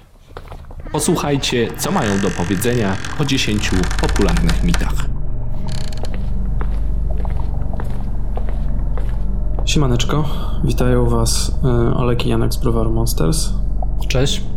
Witajcie w laboratorium. E, postanowiliśmy, że dzisiaj dla odmiany porozmawiamy sobie o temacie w miarę lekkim, ale e, mamy nadzieję, że ktoś się czegoś może nauczy z tego. No więc zrobimy odcinek o piwowarskich mitach. Bo są pewne rzeczy, które są uznawane za jakieś tam prawidła, i są ludzie, którzy uważają pewne rzeczy i starają się je wpajać młodym piwowarom, a my y, nie do końca zawsze zgadzamy się z, tym, z, z, tymi opiniami. Dokładnie, to będzie takich 10 y, najczęściej powtarzanych frazesów y, na forach i na, na grupach piwowarskich. I to będą takie rzeczy, które y, czasami są mitami, czasami te porady są nawet dobre, ale niekoniecznie moty, motywy tych porad są odpowiednie i, i prawidłowe. Więc spróbujemy to albo obalić, albo to wyprostować w jakiś sposób. Wytłumaczyć, o co chodzi mniej więcej z, z tymi mitami, prawda? Dokładnie. E, no dobra, no to zaczynamy od e, fermentacji 7 plus 7 e, która chyba najczęściej się pojawia na wszelkich forach. Tak, i wydaje mi się, że to jest taki mit, który można rozumieć dwojako właściwie, bo z jednej strony często ludzie mówią, że to jest bardzo dobry schemat fermentacji, który podpatrzyli u, u, u Tomka na kanale, e, a niektórzy mówią, że to jest bardzo zły schemat fermentacji i w sumie jedno i drugie podejście może być dobre lub złe, E, w zależności od tego, jak, jak ludzie to e, tłumaczą. Ale to co, co, co ty o tym myślisz, e, Olek? Znaczy, no ja uważam, że, że po prostu to zależy. No bo wiesz, bo tutaj w ogóle jest bardzo dużo aspektów, które można dyskutować na ten temat, tak? Czy robienie cichej ma sens, a poza tym, czy fermentacja 7 dni jest wystarczająca. No i moim zdaniem 7 dni pozostawienie górne, znaczy górnego piwa pozostawienie na 7 dni może być dobre, jak się ma doświadczenie. W sensie w pewnym czasie zaczynasz zauważyć, zauważać, e, w którym momencie fermentacja burzliwa się kończy i kiedy musisz jeszcze dołożyć te parę dni na posprzątanie drożdżą. No i po prostu wtedy to, tą fermentację kończysz, zlewasz piwo na cichą. I wiem, że za chwilę się odezwą osoby, które będą mówiły, że to nie ja kończę piwo, fermentację, tylko drożdże. No ale dobra, już niech im będzie. Nie, no tak, tak. Znaczy najgorsza porada, którą można dać, to jest właśnie, że drożdże kończą fermentację wtedy, kiedy kończą. Ja uważam, że to jest taki, taka porada z dupy, bo absolutnie pytającemu nic nie mówi, totalnie nic. Ja bym powiedział w ten ten sposób, że fermentacja 7 plus 7 może być dobra dla niektórych stylów piwa. I może, i, i mi się zdarzyło zrobić takie piwa 7 plus 7, a nawet 7 plus 5 zdaje się. Piwo, które zresztą wygrało później konkurs i był to British Brown Ale zdaje się.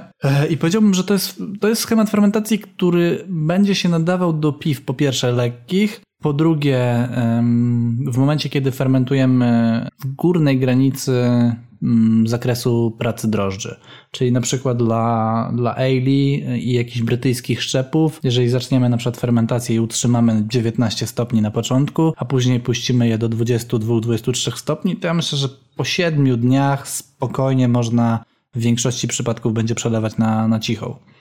Mhm. E, jeżeli w ogóle cichą robimy, tak? to, to jakby nie chcę wchodzić w dyskusję, czy ta cicha jest potrzebna, czy nie. No tak. E, bo każdy ma swoje jakieś tam racje.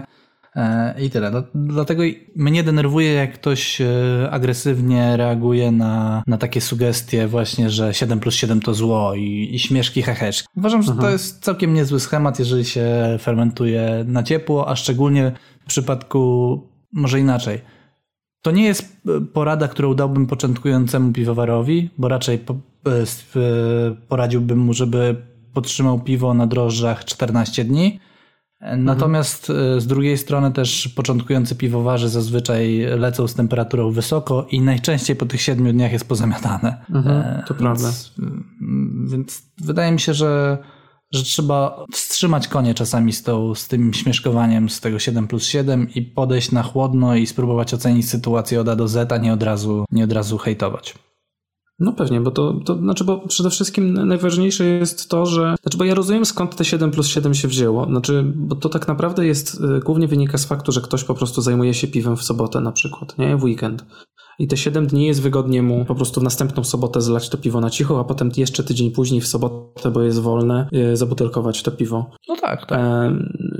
I wiesz, a, a dużo ludzi też mówi, żeby na przykład trzymać na drożdżach 10 dni. E, I, i, I, ja na przykład, e, gdybym miał komuś poradzić, jak, początkującemu piwowarowi, czy lepiej wcześniej z, zlać, czy później, no to zdecydowanie później, prawda? Ale są takie piwa, no na przykład grodziskie, które w mojej opinii można spokojnie po 7 dniach to piwo zlać, bo tam już będzie pozamiatane. Tam, no, no nie wierzę, że tam coś się ma prawo dziać jeszcze. Mhm. No tak, no. tak, no to trochę to, co ja powiedziałem, że przy lekkich piwach e, właściwie tak. te 7 dni jest wystarczające zazwyczaj. Tak, no to nie wiem, no, no może zaproponujmy, nie wiem, że do 12 Belgię, myślisz, czy... czy... Myślę, że, że to ryzykowne, stawiać, mhm. stawiać takie z, twarde granice. granicę. Mhm, mhm. E, rzeczywiście jest tak, że trzeba po prostu tą fermentację obserwować, no jeżeli w momencie, kiedy ona się kończy, dać jeszcze jeden, dwa dni przy takich niskich balingach i wtedy można to lać na cichą, no. Tak. Natomiast takim początkującym, początkującym piwowarom, którzy chcą się trzymać weekendu, zaleciłbym 14 dni dla świętego spokoju. No.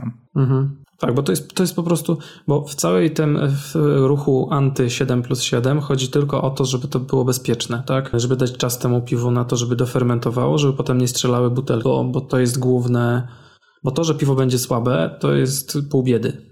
Najważniejsze, żeby to było wszystko bezpieczne, nie? Dokładnie. Dobra, myślę, że wy, wyczerpaliśmy no, temat. Przechodzimy do następnego, co? Bulkanie jako wyznacznik trwania lub końca fermentacji.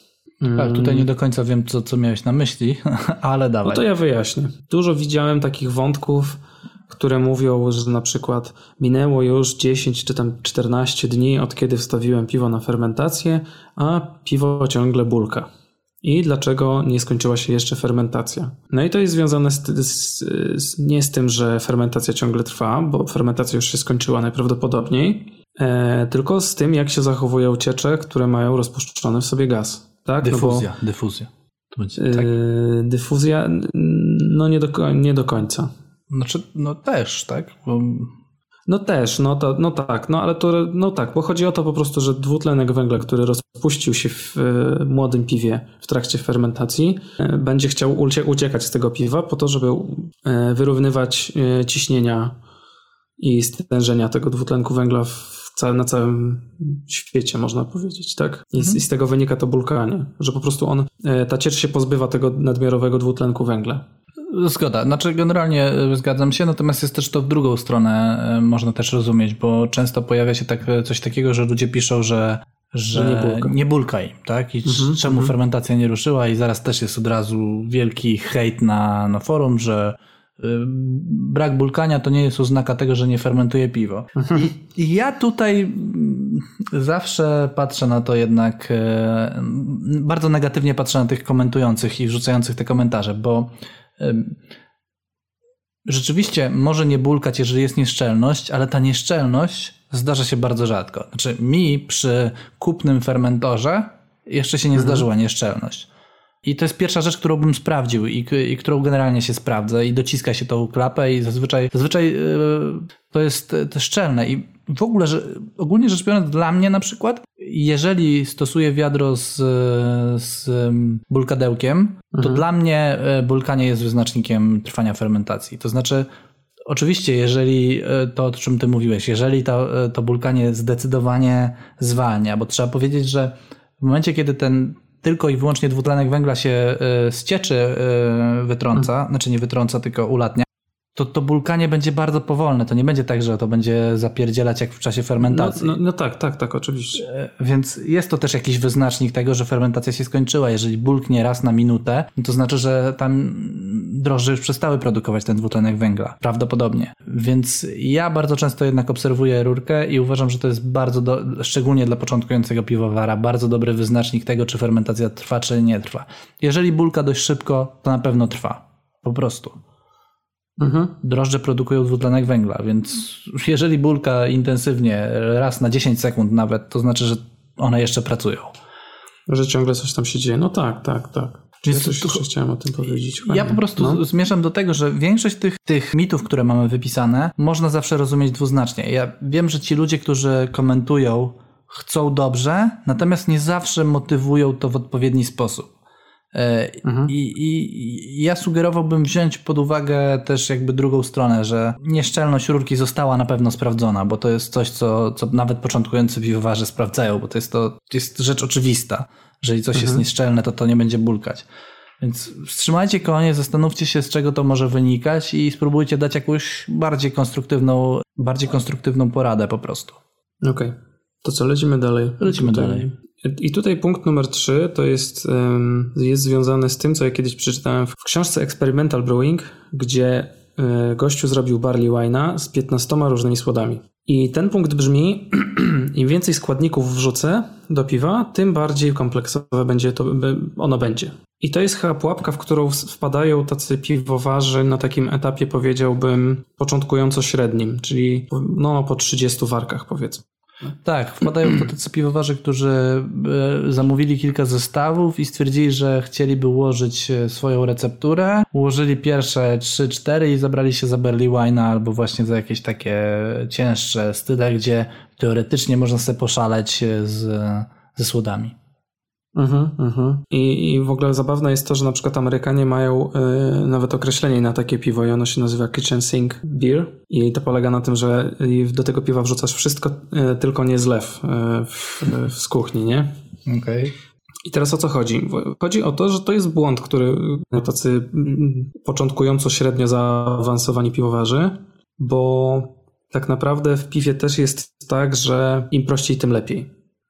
Czy, czy mniej znaczy więcej? O, jest takie bardzo ładne powiedzenie. Hmm. No i właściwie chciałem powiedzieć o tym, nie wiem, nie wiem jakie ty masz zdanie co, na ten temat. Znaczy nie, no jak najbardziej się zgadzam i to, to, to jest tak, że często piwowarzy nie wiedzą po co, po co wrzucają jakiś dany słód. Ja bym zalecał jednak zastanowienie się, jeżeli czegoś używamy, to nawet jeżeli chcemy użyć pięciu różnych e, słodów karmelowych, to ja bym sugerował za każdym razem zastanowić się, co dany e, słód karmelowy może wnieść i jeżeli, nie wiem, mamy cztery różne ciemne karmelowe słody, na przykład do Berry Wine'a czy do Risa do dodania, to zastanowić się, czy one przypadkiem wszystkie nie dadzą tego samego.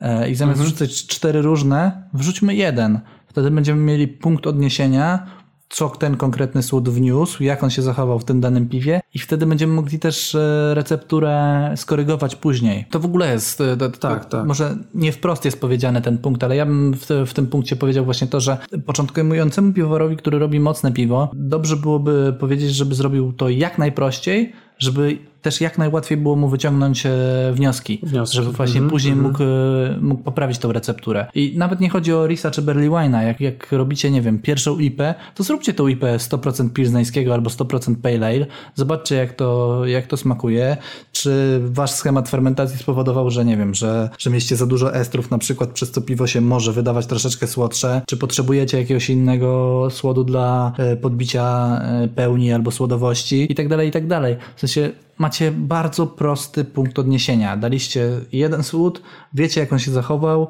jeżeli chcecie dodać słodyczy, to dodacie coś, e, jakiegoś karmelu albo jakiegoś, e, nie wiem, jakiejś laktozy czy coś takiego, a jeżeli będziecie chcieli pełni, to dacie, nie wiem, jakiś abi albo jak będziecie chcieli ciasteczka czy coś takiego, tak? To się będziecie bardzo, w bardzo łatwy sposób mogli zmodyfikować tą recepturę.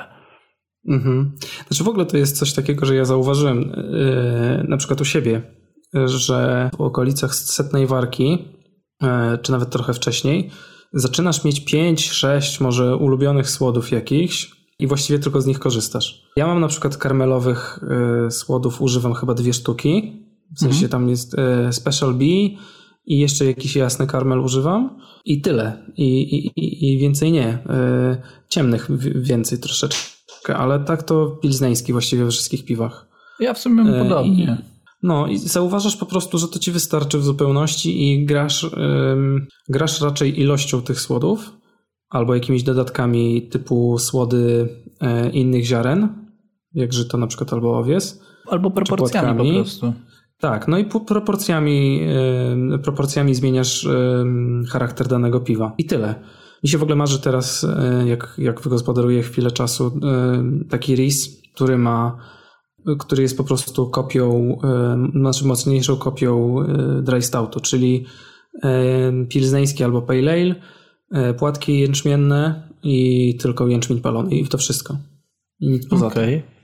Myślę, że akurat może być troszeczkę mocno, bardzo mocno palone będzie to piwo, w sensie będzie mhm. takie, e, no mocno palone i trochę zabraknie mu głębi takiej i takiej jakiejś słodyczy jednak od słodowej, ale mhm. to może być ciekawy eksperyment. Na pewno to jest idealna baza do tego, żeby ulepszyć to piwo. Tak, no właśnie chodzi o to, że to jest taki dobry początek do tego, żeby sobie jakoś tam e, próbować sprawdzać, a to może jednak trochę było zbyt palone, no to obniżamy ilość e, jęczmienia palonego, albo było na przykład za mało gładkie, no to zmieniamy płatki jęczmienne na owsiane i tak dalej, i tak dalej. Mhm. Jest łatwo znaleźć po prostu źródło danego smaku albo No tak, tak. To myślę, że to może być naprawdę bardzo rozwijające, tak ogólnie rzecz biorąc, takie tak, uważanie takiego tak. piwa. Zgadzam się z tym. E, chciałbyś coś jeszcze dodać do tego punktu? Nie, chyba nie. Lecimy do następnego. Dobra. E, to jest czwarty punkt, bo zmieniliśmy to przed tym i ja mam to napisane. Nie wiem, czy zmieniłeś mhm. sobie. E, to może ja tak. powiem. E, często mhm. na forach się pojawia takie, jak, jak młody piwowar wrzuca, nie wiem, czwartego dnia fermentacji i wrzuca zdjęcie fermentora, jak, jak wygląda od środka i czy to jest, nie wiem, zakażenie, czy to normalnie wygląda i tak dalej, i tak dalej. Wtedy się jest całe grono e, też hejterów, które pisze, że po co w ogóle to otwierałeś, że, że zaraz infekcja będzie, że w ogóle zamknąć i przez 14 dni w ogóle nie zaglądać, tak? Mhm. E, I punkt brzmi uchylanie pokrywy w czasie czasie fermentacji grozi infekcją. Zgadzasz się z tym? Y, że punkt czwarty tak brzmi? Tak, zgadzam się. Nie. Wiesz co, y, to, to, to, znowu tutaj zależy, tak? No bo na przykład jak ja otwieram pokrywę, to ja to robię tak, żeby tam nie wkładać głowy, czyli ja tylko ją uchylam i zaglądam sobie do środka. Nie zdejmuję jej. Mhm. Ja uważam na przykład, że zdjęcie pokrywy, po prostu odłożenie na bok, no to jest jakiś rodzaj błędu. A już w ogóle robienie tego na przykład codziennie albo kilka razy dziennie, to jest proszenie się o infekcję, ale jak ktoś raz to zrobi, to uważam, że nic złego w tym nie będzie. To ja, to, znaczy masz, znaczy ja generalnie uważam, że otwieranie pokrywy to nie jest w ogóle dobry pomysł, ale nie ze względu akurat na zagrożenie infekcją, bo uważam, że mhm. złapać infekcję z powietrza w momencie, mhm. kiedy e, fermentacja już trwa, w momencie, kiedy drożdże zdominowały środowisko, to jest, no tak, jest naprawdę trudno. mega ciężko, bo przecież e, każdy piwowar, który napowietrza brzeczkę, napowietrza ją z powietrza, tak? W sensie bierze mhm. ten tlen z powietrza. Wtedy jest największe, największe ryzyko infekcji, dlatego że e, brzeczka nie jest jeszcze zdominowana przez te drożdże, tak? Ona dopiero, te drożdże się dopiero tam namnożą. I wtedy mamy masę kontaktu z powietrzem, masę kontaktu z tym, co jest na, na zewnątrz. I jeżeli to miałoby się z powietrza zakazić, to właśnie to byłby ten moment, moim zdaniem. W momencie, kiedy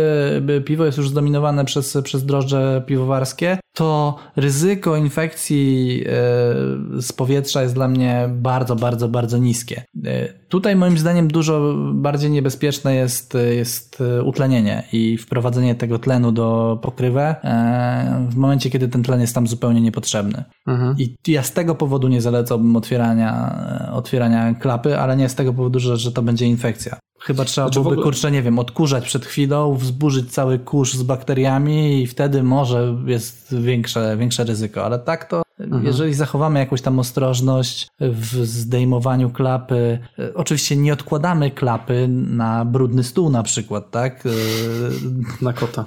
Tak, no to takich rzeczy nie robimy. To, to, wiadomo, że wtedy można złapać infekcję, ale w momencie, kiedy, nie wiem, uchylimy ją i przesuniemy ją e, o kawałek i na przykład jeszcze spryskamy mhm. później jakimś desprayem, czy czymkolwiek przed założeniem jej z powrotem, to ja myślę, że, że infekcja to, to, to jest bardzo ciężki temat, żeby to złapać. Znaczy w ogóle, y, jak ktoś kiedyś próbował łapać drożdże z powietrza, to pewnie wie, że najłatwiej jest złapać pleśń.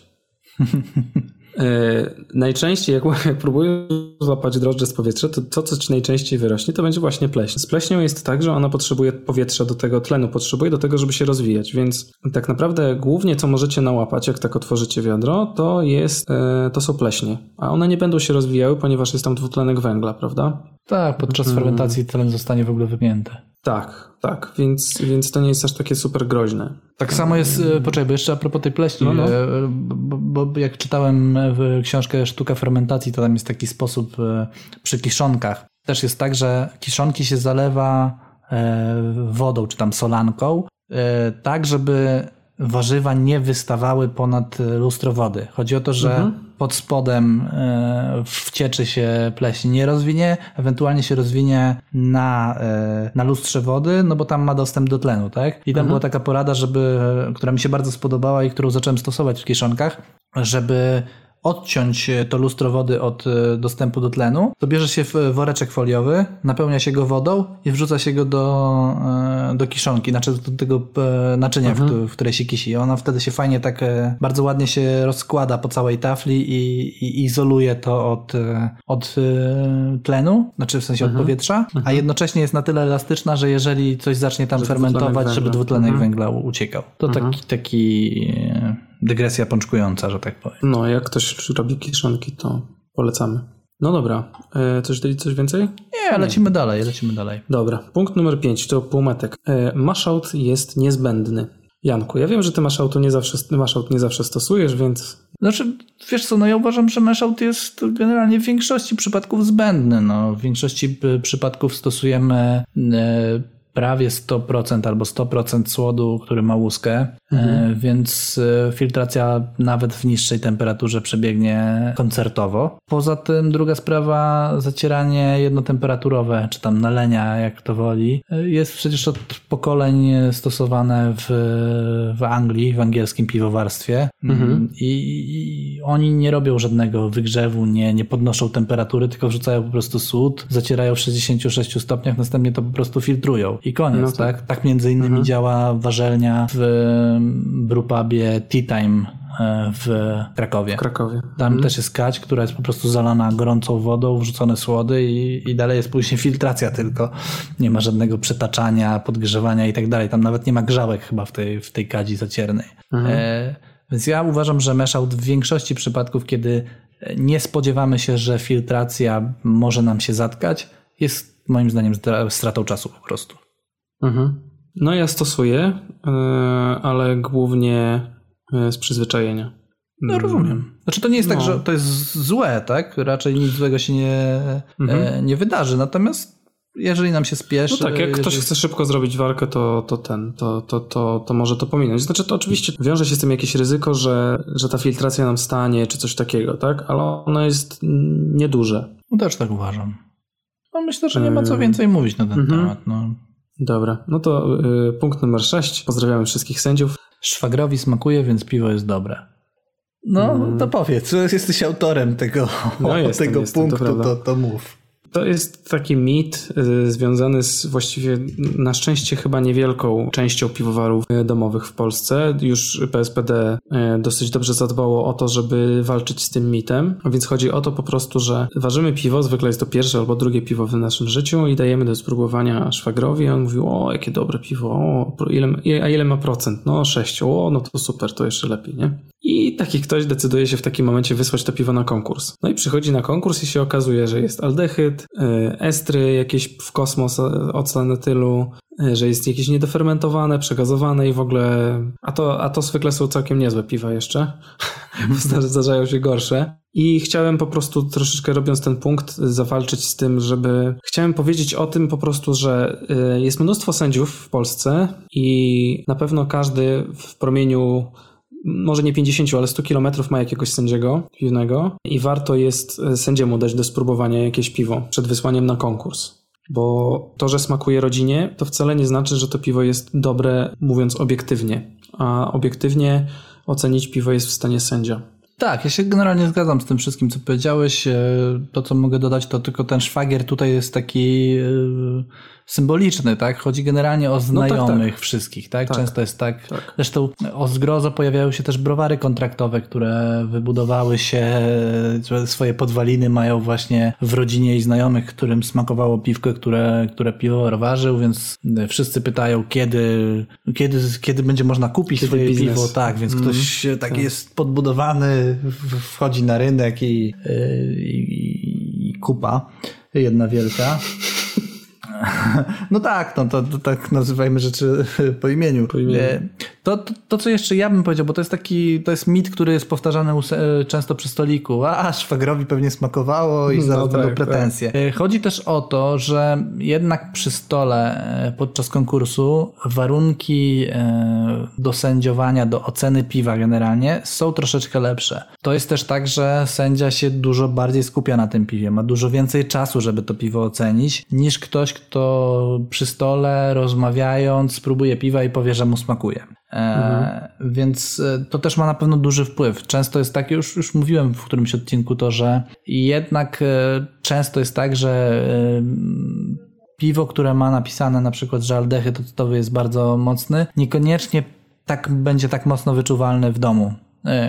Dlatego, że po prostu inne warunki będą do, do degustacji i troszeczkę inna, inna będzie percepcja tego piwa. Tak, zwłaszcza, że tam jest jest jeszcze kalibracja z tym związana, że po prostu przez na przykład 15 minut, czy na przykład godzinę pijesz tylko piwa w danym stylu i odnosisz znaczy, bo nie powinno się tego odnosić tak naprawdę na arkuszu, ale w mózgu jednak u każdego człowieka zachodzi taki proces, że odnosisz te piwa do siebie i one się obracają wokół jednego jakiegoś, e, jednej idei na piwo, nie? E, na przykład, nie wiem, jak weźmiesz sobie stout dry stout, tak? No to on ma konkretnie smakować. No i na przykład próbujesz 25 piw, które się bardzo blisko są tego, więc się niejako e, mimowolnie kalibrujesz. Inne jest odczucie takiego, takiego piwa. Tak, chodzi też o to, że w kalibracji chodzi też o to, żeby ktoś, kto mówi, o to jest mocno palone, a trzech innych gości przy stoliku podczas kalibracji mówi, nie, słuchaj stary, to nie jest aż tak mocno palone, to jest, to jest, to jest mhm. okej. Okay. Ta osoba, która mówi, że jest zbyt mocno palone, jest bardzo prawdopodobne, że jest zbyt wyczulona na tą paloność. I, i ona tak. musi jakby swoje, e, swoje oczekiwania wobec tej paloności troszeczkę ob, obniżyć, czy tam podwyższyć, w zależności jak na to spojrzeć, tak? I, I temu też ma służyć e, kalibracja, żeby te, żeby w jakiś sposób też swoje zmysły przystosować do jakiejś tam średniej, tak? Tyle chyba, co? Lecimy mm -hmm, do następnego mm -hmm. punktu. Tak. Tu jest też y, ten kolejny punkt, to jest coś związanego chyba też z początkami y, ważenia, bo bardziej wywalony na takie rzeczy, a mianowicie ten punkt brzmi, do piw określonego regionu należy stosować składniki pochodzące z tamtego kraju. I tutaj głównie chodzi o, chodziło mi o drożdże, pisząc ten, mhm. ten punkt. Czyli mamy stout, i mnóstwo ludzi zakłada, że jak jest stout, to należy go fermentować drożdżami brytyjskimi, co nie do końca jest e, zgodne z prawdą. I to chyba obaj mamy. Pamiętam, że rozmawialiśmy kiedyś o tym, tak, tak, tak.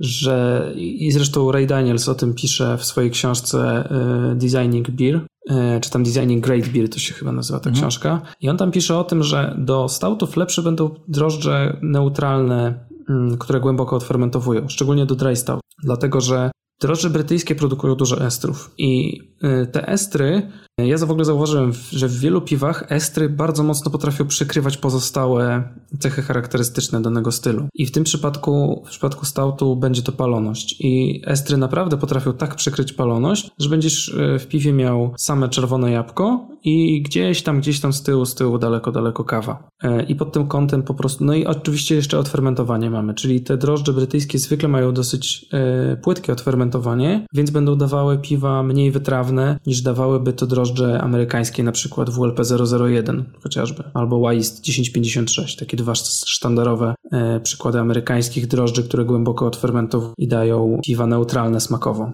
No właściwie nie mam nic do dodania, wyczerpałeś temat, jeżeli chodzi o, o drożdże, ale ja jeszcze rozwinę troszeczkę ten punkt e, o to, że często jest też tak, oprócz drożdży, bo pal licho, jak ktoś chce użyć drożdży z danego regionu, no na przykład do piw belgijskich jednak zaleca się użycie z mhm. nie, no to drożdży belgijskich, mhm. nie? Ale jak e, często jest też tak, że ludzie na przykład robiąc bitera chcą koniecznie użyć słodów ze słodowni angielskiej, tak? Przed mhm, Swoseta. Czy ty uważasz, że to trzeba tak? W sensie, czy, czy, czy to nie, ma duże nie, znaczenie? Absolutnie. Nie. No, moim znaczy, zdaniem też. Przede wszystkim dla mnie to by w ogóle stanowiło ogromny problem logistyczny, żeby sobie kupować, no bo ja już teraz kupuję wor, słód na worki 25-kilogramowe i gdybym miał do każdego e, głupiego bitera ten kupować e, worek słodu jeszcze dodatkowy, no to no sorry. Nie, no moim zdaniem też w ogóle. I to jest tak, że teraz technologia słodowania jest bardzo zbliżona we wszystkich mhm. regionach świata, więc ja myślę, że te słody się znacznie nie różnią i może się okazać, że na przykład fajniejszego bitera można zrobić na słodzie Pale Ale z, niech będzie z sierpca na przykład, tak, niż z, z Fosseta z Anglii, tak? Tak mi się wydaje. Tak, tak, tak. Albo na przykład, nie wiem, e, koniecznie słody belgijskie do belgijskich piw. No, no tak. nie, no, no to, to, to, to, nie jest e, konieczne. Znaczy to fajnie wygląda na etykiecie e, piwa rzemieślniczego, tak? Jak ktoś robi bitera nie, no okay, użył ten. Ale w domu to w ogóle nie ma najmniejszego znaczenia, tak, moim zdaniem. Tak. Jeszcze tylko się zastanawiam, nie wiem, chciałbym poznać twoją opinię na temat chmielu. E, jakbyś ważył bitera. Ja wiem, że do bit, biter się, bitera się trochę na koniec gotowania chmieli, ale na przykład gdybyś miał ważyć piwo na bitera, którym jest tylko nachmielone na goryczkę i na nic więcej, to specjalnie kupowałbyś EKG na przykład nie, albo myślę, innego? Że nie. Myślę, że nie. No właśnie. E, w momencie, kiedy, znaczy, ja wiem, czy, znaczy, nie, chyba nie, chyba nie ma to większego znaczenia. Myślę, że większość ludzi nie wyczuje. Jeżeli damy chmielopodobnym profilu z jakiejś innej, jakiegoś innego regionu świata, to, to myślę, że nikt nie poczuje. Na przykład mm. bardzo fajnie, bo, bo ja na przykład lubię chmielić stauty Fagelsem e, z Anglii -hmm. i mhm. one mi pasuje mi profil smakowy głównie i, i goryczkowy. Natomiast Willamette daje bardzo podobne aromaty, który jest ze Stanów, ma, jest, ma większe, więcej alfa kwasów e, i stosowałem go kiedyś wymiennie z Fagelsem i, i dawał bardzo podobne efekty, więc ja myślę, że, że to nie ma dużego znaczenia. Mhm, mhm. No i ja się z tym zgadzam. E, jedziemy dalej. Punkt ósmy, autolizo. I rozumiem, że, że znowu muszę tłumaczyć. Nie, nie musisz tłumaczyć. No, autoliza dobra. chyba chodzi o to, że, że w piwowarstwie domowym właściwie się nie zdarza, albo zdarza się tak rzadko, że, że nie ma co na to.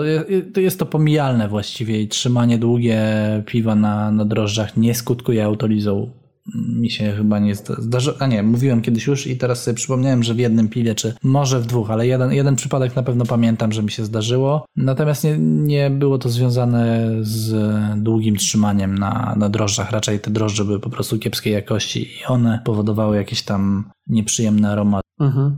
No ja się z autolizą spotkałem y, tylko w piwach komercyjnych, które były po prostu przepasteryzowane. Pytanie, czy to było, czy to była autoliza wtedy, tak? Znaczy, no. znaczy aromat był taki, który po prostu no, z deskryptorem właśnie tych, tych pieczonych ziemniaków. Po prostu, że to były te pieczone ziemniaki, które są tożsame przynajmniej w teorii z autolizą, tak? No tak, ale w tym punkcie chodzi głównie o to, że, no tak. że, że właściwie możecie trzymać te piwa dość długo na drożdżach i nie powinna wam się przydarzyć autoliza, po prostu. Nie wiem, czy możemy coś No i na szczęście to jest też mit, który, z którym już yy, coraz mniej ludzi, znaczy już coraz rzadziej się spotykamy, bo to raczej stara gwardia piwowarstwa tak. domowego w Polsce y, szerzyła ten mit i ja zauważyłem, że już coraz rzadziej Ja też, ja też nie dawno nie widziałem tego. Chyba -hmm. po prostu ludzie przestali czuć tą autolizę, albo nie wiem, może drożdże są świeższe. E, Ja tutaj już też kiedyś chyba o tym mówiłem w, której, w którymś odcinku, ale e, być może drożdże wajcenowe są bardziej narażone na, na, na autolizę, bo rzeczywiście jak sędziowałem Weizenboki, to tam się na konkursie zdarzyło ze dwa albo trzy razy i e, ten mój przypadek mojego piwa też zdarzył się przy, przy Weizenboku. Więc może drożdże wajcenowe mają jakąś e, tendencję do, do tworzenia takich nieprzyjemnych zapachów. Mhm, mhm. Okej. E, Punkt kolejny brzmi super dokładna filtracja po gotowaniu jest konieczna. E, I to też jest coś, co ja zauważyłem e, na przykład u vlogerów. Czasami widać jakichś tam albo ktoś, się, ktoś mówi o tym, że e, po gotowaniu jest strasznie mętna brzeczka i co on teraz zrobi, bo brzeczka zlewana do, do tego, do fermentora musi być klarowna. Jaki ty masz na ten temat zdanie? Wiesz co, ja ostatnio zacząłem analizować generalnie z- swoje piwowarstwo i piwowarstwo też e, to już na większych garnkach i ja generalnie jestem zdania, że dobrze jest przelać dość mocno mętną brzeczkę na fermentację. I uważam, że, że to raczej pomaga niż przeszkadza po prostu. Wydaje mi się, że fermentacja jest zdrowsza. Generalnie y, zdaje się, że jest tak, że, że drożdże potrzebują białek do, do tego, żeby prawidłowo funkcjonować, nie? E, I wydaje mi się, że ten, ta mętność jest najczęściej spowodowana właśnie zmętnienie, to jest zmętnienie białkowe. E, I ja uważam, że to w niczym nie przeszkadza. Drożdże dobrze flokulujące i tak ściągną te białka na, na dno i tą mętność e, ściągną na dno i nie, nie będzie to żadnym, żadnym problemem. A przy okazji będą miały pożywkę, bo sobie te Dokładnie. białka zeżrą, y, wykorzystają do budowania kolejnych komórek. Także ja zdecydowanie jestem zdania, że lepiej przelać troszeczkę mętną niż super klarowną. Znaczy, nie, nie mówimy oczywiście, żeby wszystko razem z chmielinami zlewać, tylko żeby po prostu trochę y, zaciągnąć z tego dna tych białek, tak? Tak. Bo, bo chmielin, y, bardzo dużo chmielin nie chcemy też mieć w fermentorze. Ja właśnie dzisiaj przyszedł do mnie hopstopper, którego będę podłączał do gara i właśnie mam obawy, że on będzie za bardzo e, przesiewał wszystko i że będę miał super klarowną brzeczkę i, i zacznie się, zaczną się schody, jeżeli chodzi o fermentację, ale zobaczymy, będę A to łyżką możesz sobie potem, wiesz, wybrać i... Tak, ale nie, szczerze mówiąc, ja, ja szczerze mówiąc o tym myślałem, że, że będę Aha. po prostu łyżką zgarniał i, i białka ciep do, do fermentora. Okej. Znaczy nie, nie, no to wiesz, po prostu ja się, ja się nie śmieję z pomysłu, tylko że to No wiesz, musiałoby wyglądać, nie? E, punkt 10? Tak. Dobrze. I punkt ostatni, który brzmi: e, Drożdże należy przemyć przed użyciem, i chodzi tu oczywiście o użycie ponowne gęstwy drożdżowej. To ja mogę tylko powiedzieć, że jestem żywym przykładem na to, że nie, nie, nie trzeba tego robić. Nie, nie należy, ale nie trzeba tego robić, dlatego że e, nigdy nie przemywałem gęsto. To znaczy, zdarzyło mi się to raz zrobić. E, O, to ciekawe, opowiedz o tym, bo ja nigdy tego nie robiłem i chciałbym. Wiesz co, no nalałem po prostu wody do słoika większego, potrząsnąłem i poczekałem aż e, część, znaczy aż wszystko opadnie. Dolną część, e, tą, którą, która była taka troszeczkę ciemniejsza też i taka, e, no widać byłoby, że te, że te droże są gorszej jakości. Wyrzuciłem, a to z, a zlałem tylko to takie naj, Najkremowsze. najbardziej kremowe, tak. Mhm, mhm, okej. A już w, w ogóle to, wiesz co, znaczy No. Tutaj warto powiedzieć o tym, bo kiedyś mi się wydaje, że jak oglądałem filmiki Tomka Kopyra, Kopyry, e, jak, jak e, uczył e, jak uczył piwowarów, jak, jak się waży, to on w ogóle mówił, że należy, że należy używać tylko tych drożdży, które generalnie gęstwo słoiku ma jakby trzy warstwy. Dolna warstwa to, jest, to są te drożdże, które się nie nadają do użytku. Po środku jest mała, mała mm, przestrzeń na brzeczkę, czy tam na piwo, na piwo przefermentowane i należy użyć tylko tych zdrowych drożdży powyżej z góry. Tak, to powiem Ci, że ja zbierając super świeże drożdże i wstawiając je na jedną dobę do lodówki, bardzo rzadko mi się zdarza, że się robi taka, e, taka przerwa między złymi drożdżami a dobrymi. Ja nigdy nie widziałem. Znaczy mi się zdarzyło, ale wiesz kiedy to się zdarza? W momencie, kiedy drożdże jeszcze dojadają w, w słoiku. To one wtedy idą rzeczywiście na No tak, no idą do góry, no tak, no, No, tak. Ale tak to generalnie zazwyczaj się tworzy jedna wielka masa i rzeczywiście widać, że na dole są ciemniejsze drożdże i takie paprochy i generalnie różne inne syfy, które opadają. I rzeczywiście te drożdże z góry, jeżeli jest taka możliwość, to należy zebrać te drożdże z góry po prostu mhm. ze słoika i je zadać do, do piwa. Hmm. Natomiast e, to może ty powiedz, bo ty pewnie chcesz o tym powiedzieć też, że, że takie przemywanie gęstwy może grozić infekcją. Znaczy, oczywiście, że może, bo po pierwsze, no, przelewacie z naczynia do naczynia, e, otwieracie to, to wiele razy, i te, te zdejmujecie jakieś pokrywki i tak dalej, i tak dalej. Mi się ogólnie najbardziej podobało, jak widziałem na amerykańskich forach, jak e, gościu to robił w rozdzielaczu. Mhm. Rozdzielacz to jest takie szkło laboratoryjne. Trudno jest je sobie wyobrazić. Wpiszcie sobie po prostu w Google, zobaczycie jak to wygląda. Ono ma taki kranik na dole i można po prostu sobie zlewać z dołu. I wtedy po prostu jest łatwo um, y, zlać um, taką warstwę drożdży i to jest wtedy bez kontaktu zupełnie z, z powietrzem, tak? No bo tam jest, u góry jest zamknięty ten rozdzielacz. Mhm. No i łatwo jest też w nim wytrząsać. To to jest fajne. Ale takie przelewanie ze słoika do słoika to naprawdę, no to pod tym kątem tego, że te słoiki mogą nie być do końca y, zdezynfekowane, że otwieracie to, y, to może być niebezpieczne. I teraz jaka jest różnica pomiędzy otwieraniem słoika z gęstwą i zakażaniem w taki sposób, a otwieraniem fermentora? Różnica polega na tym, że nawet jeżeli wpadnie taka sama ilość mikroorganizmów do tej gęstwy, razem z kurzem, co wpadłoby do tamtego piwa, to jak będziecie potem tą gęstwę zadawać, to ona będzie się namnażać i te mikroorganizmy z tej gęstwy też będą się namnażać w tym waszym nowym piwie i ich będzie dużo, dużo, dużo, dużo, dużo, dużo więcej niż w tym młodym piwie, do którego wpadłyby otwierając pokrywę, więc to nie jest do końca taki sam mechanizm zakażania, e, jak przy tym otwieraniu pokrywy, e, o którym wcześniej żeśmy mówili. Dokładnie, z tego, z tego, samego względu nie poleca się robić e, starterów z gęstwy. Właśnie mhm. dlatego, że ta gęstwa, ona prawdopodobnie, w ogóle każda gęstwa taka w piwowarstwie domowym e, jest troszeczkę nadkażona, tak? E, prawdopodobnie są jakieś tam mikroorganizmy, które jest w bardzo małej ilości, które znajdują się w tej gęstwie i w momencie, kiedy zadajemy małą część gęstwy, no to część z tych mikroorganizmów niepożądanych może się po prostu namnożyć dużo bardziej niż, niż byśmy tego chcieli, dlatego raczej się mm, nie zaleca robienia e, starterów z gęstwy. Nie jest tak, że, że, że to, to, zawsze tak będzie, bo czasami ten starter trzeba zrobić albo, albo chcemy namnożyć jakieś drożdże, które mm, nie wiem, pozyskujemy z butelki, tak? Mhm, mhm. Ale wtedy też trzeba zwrócić szczególną uwagę na, na jakość tego startera, w sensie chodzi mi o, o smak później tego starteru. Tak. Albo być po prostu przygotowanym na to, że to piwo nie wyjdzie i już, no. No dokładnie, dokładnie. Mm. No dobra. No, wydaje mi się, że to możemy. Mamy wszystko. No Mówię, tak. że chyba mamy wszystko. Słuchajcie, dajcie znać, czy w ogóle tego typu odcinek wam się podobał, czy...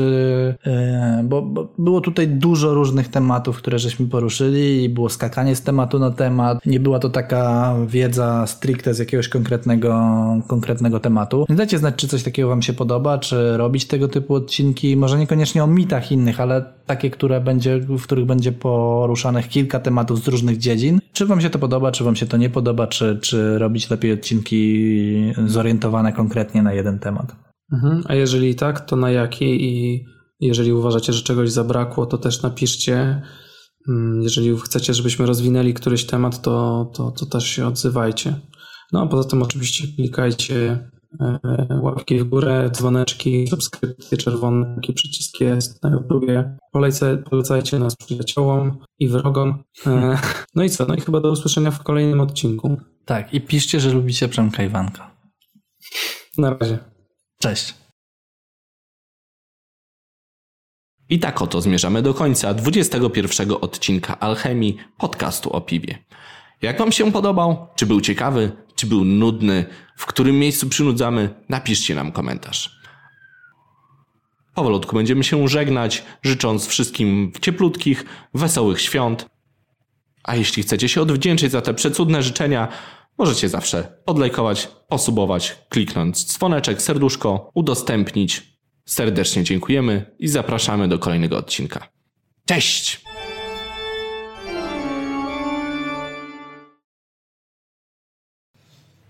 Filip, teraz, teraz na koniec żart o drożdżach jeszcze. Ojej, nie znam żadnego żartu Na pewno o drożdżach. Nie. Nikt ci nie powiedział? Nie. Przychodzi drożdż do lekarza, nie? Nie. No, no trudno, no to dzięki. Dzięki. Ile to trwa? Za długo.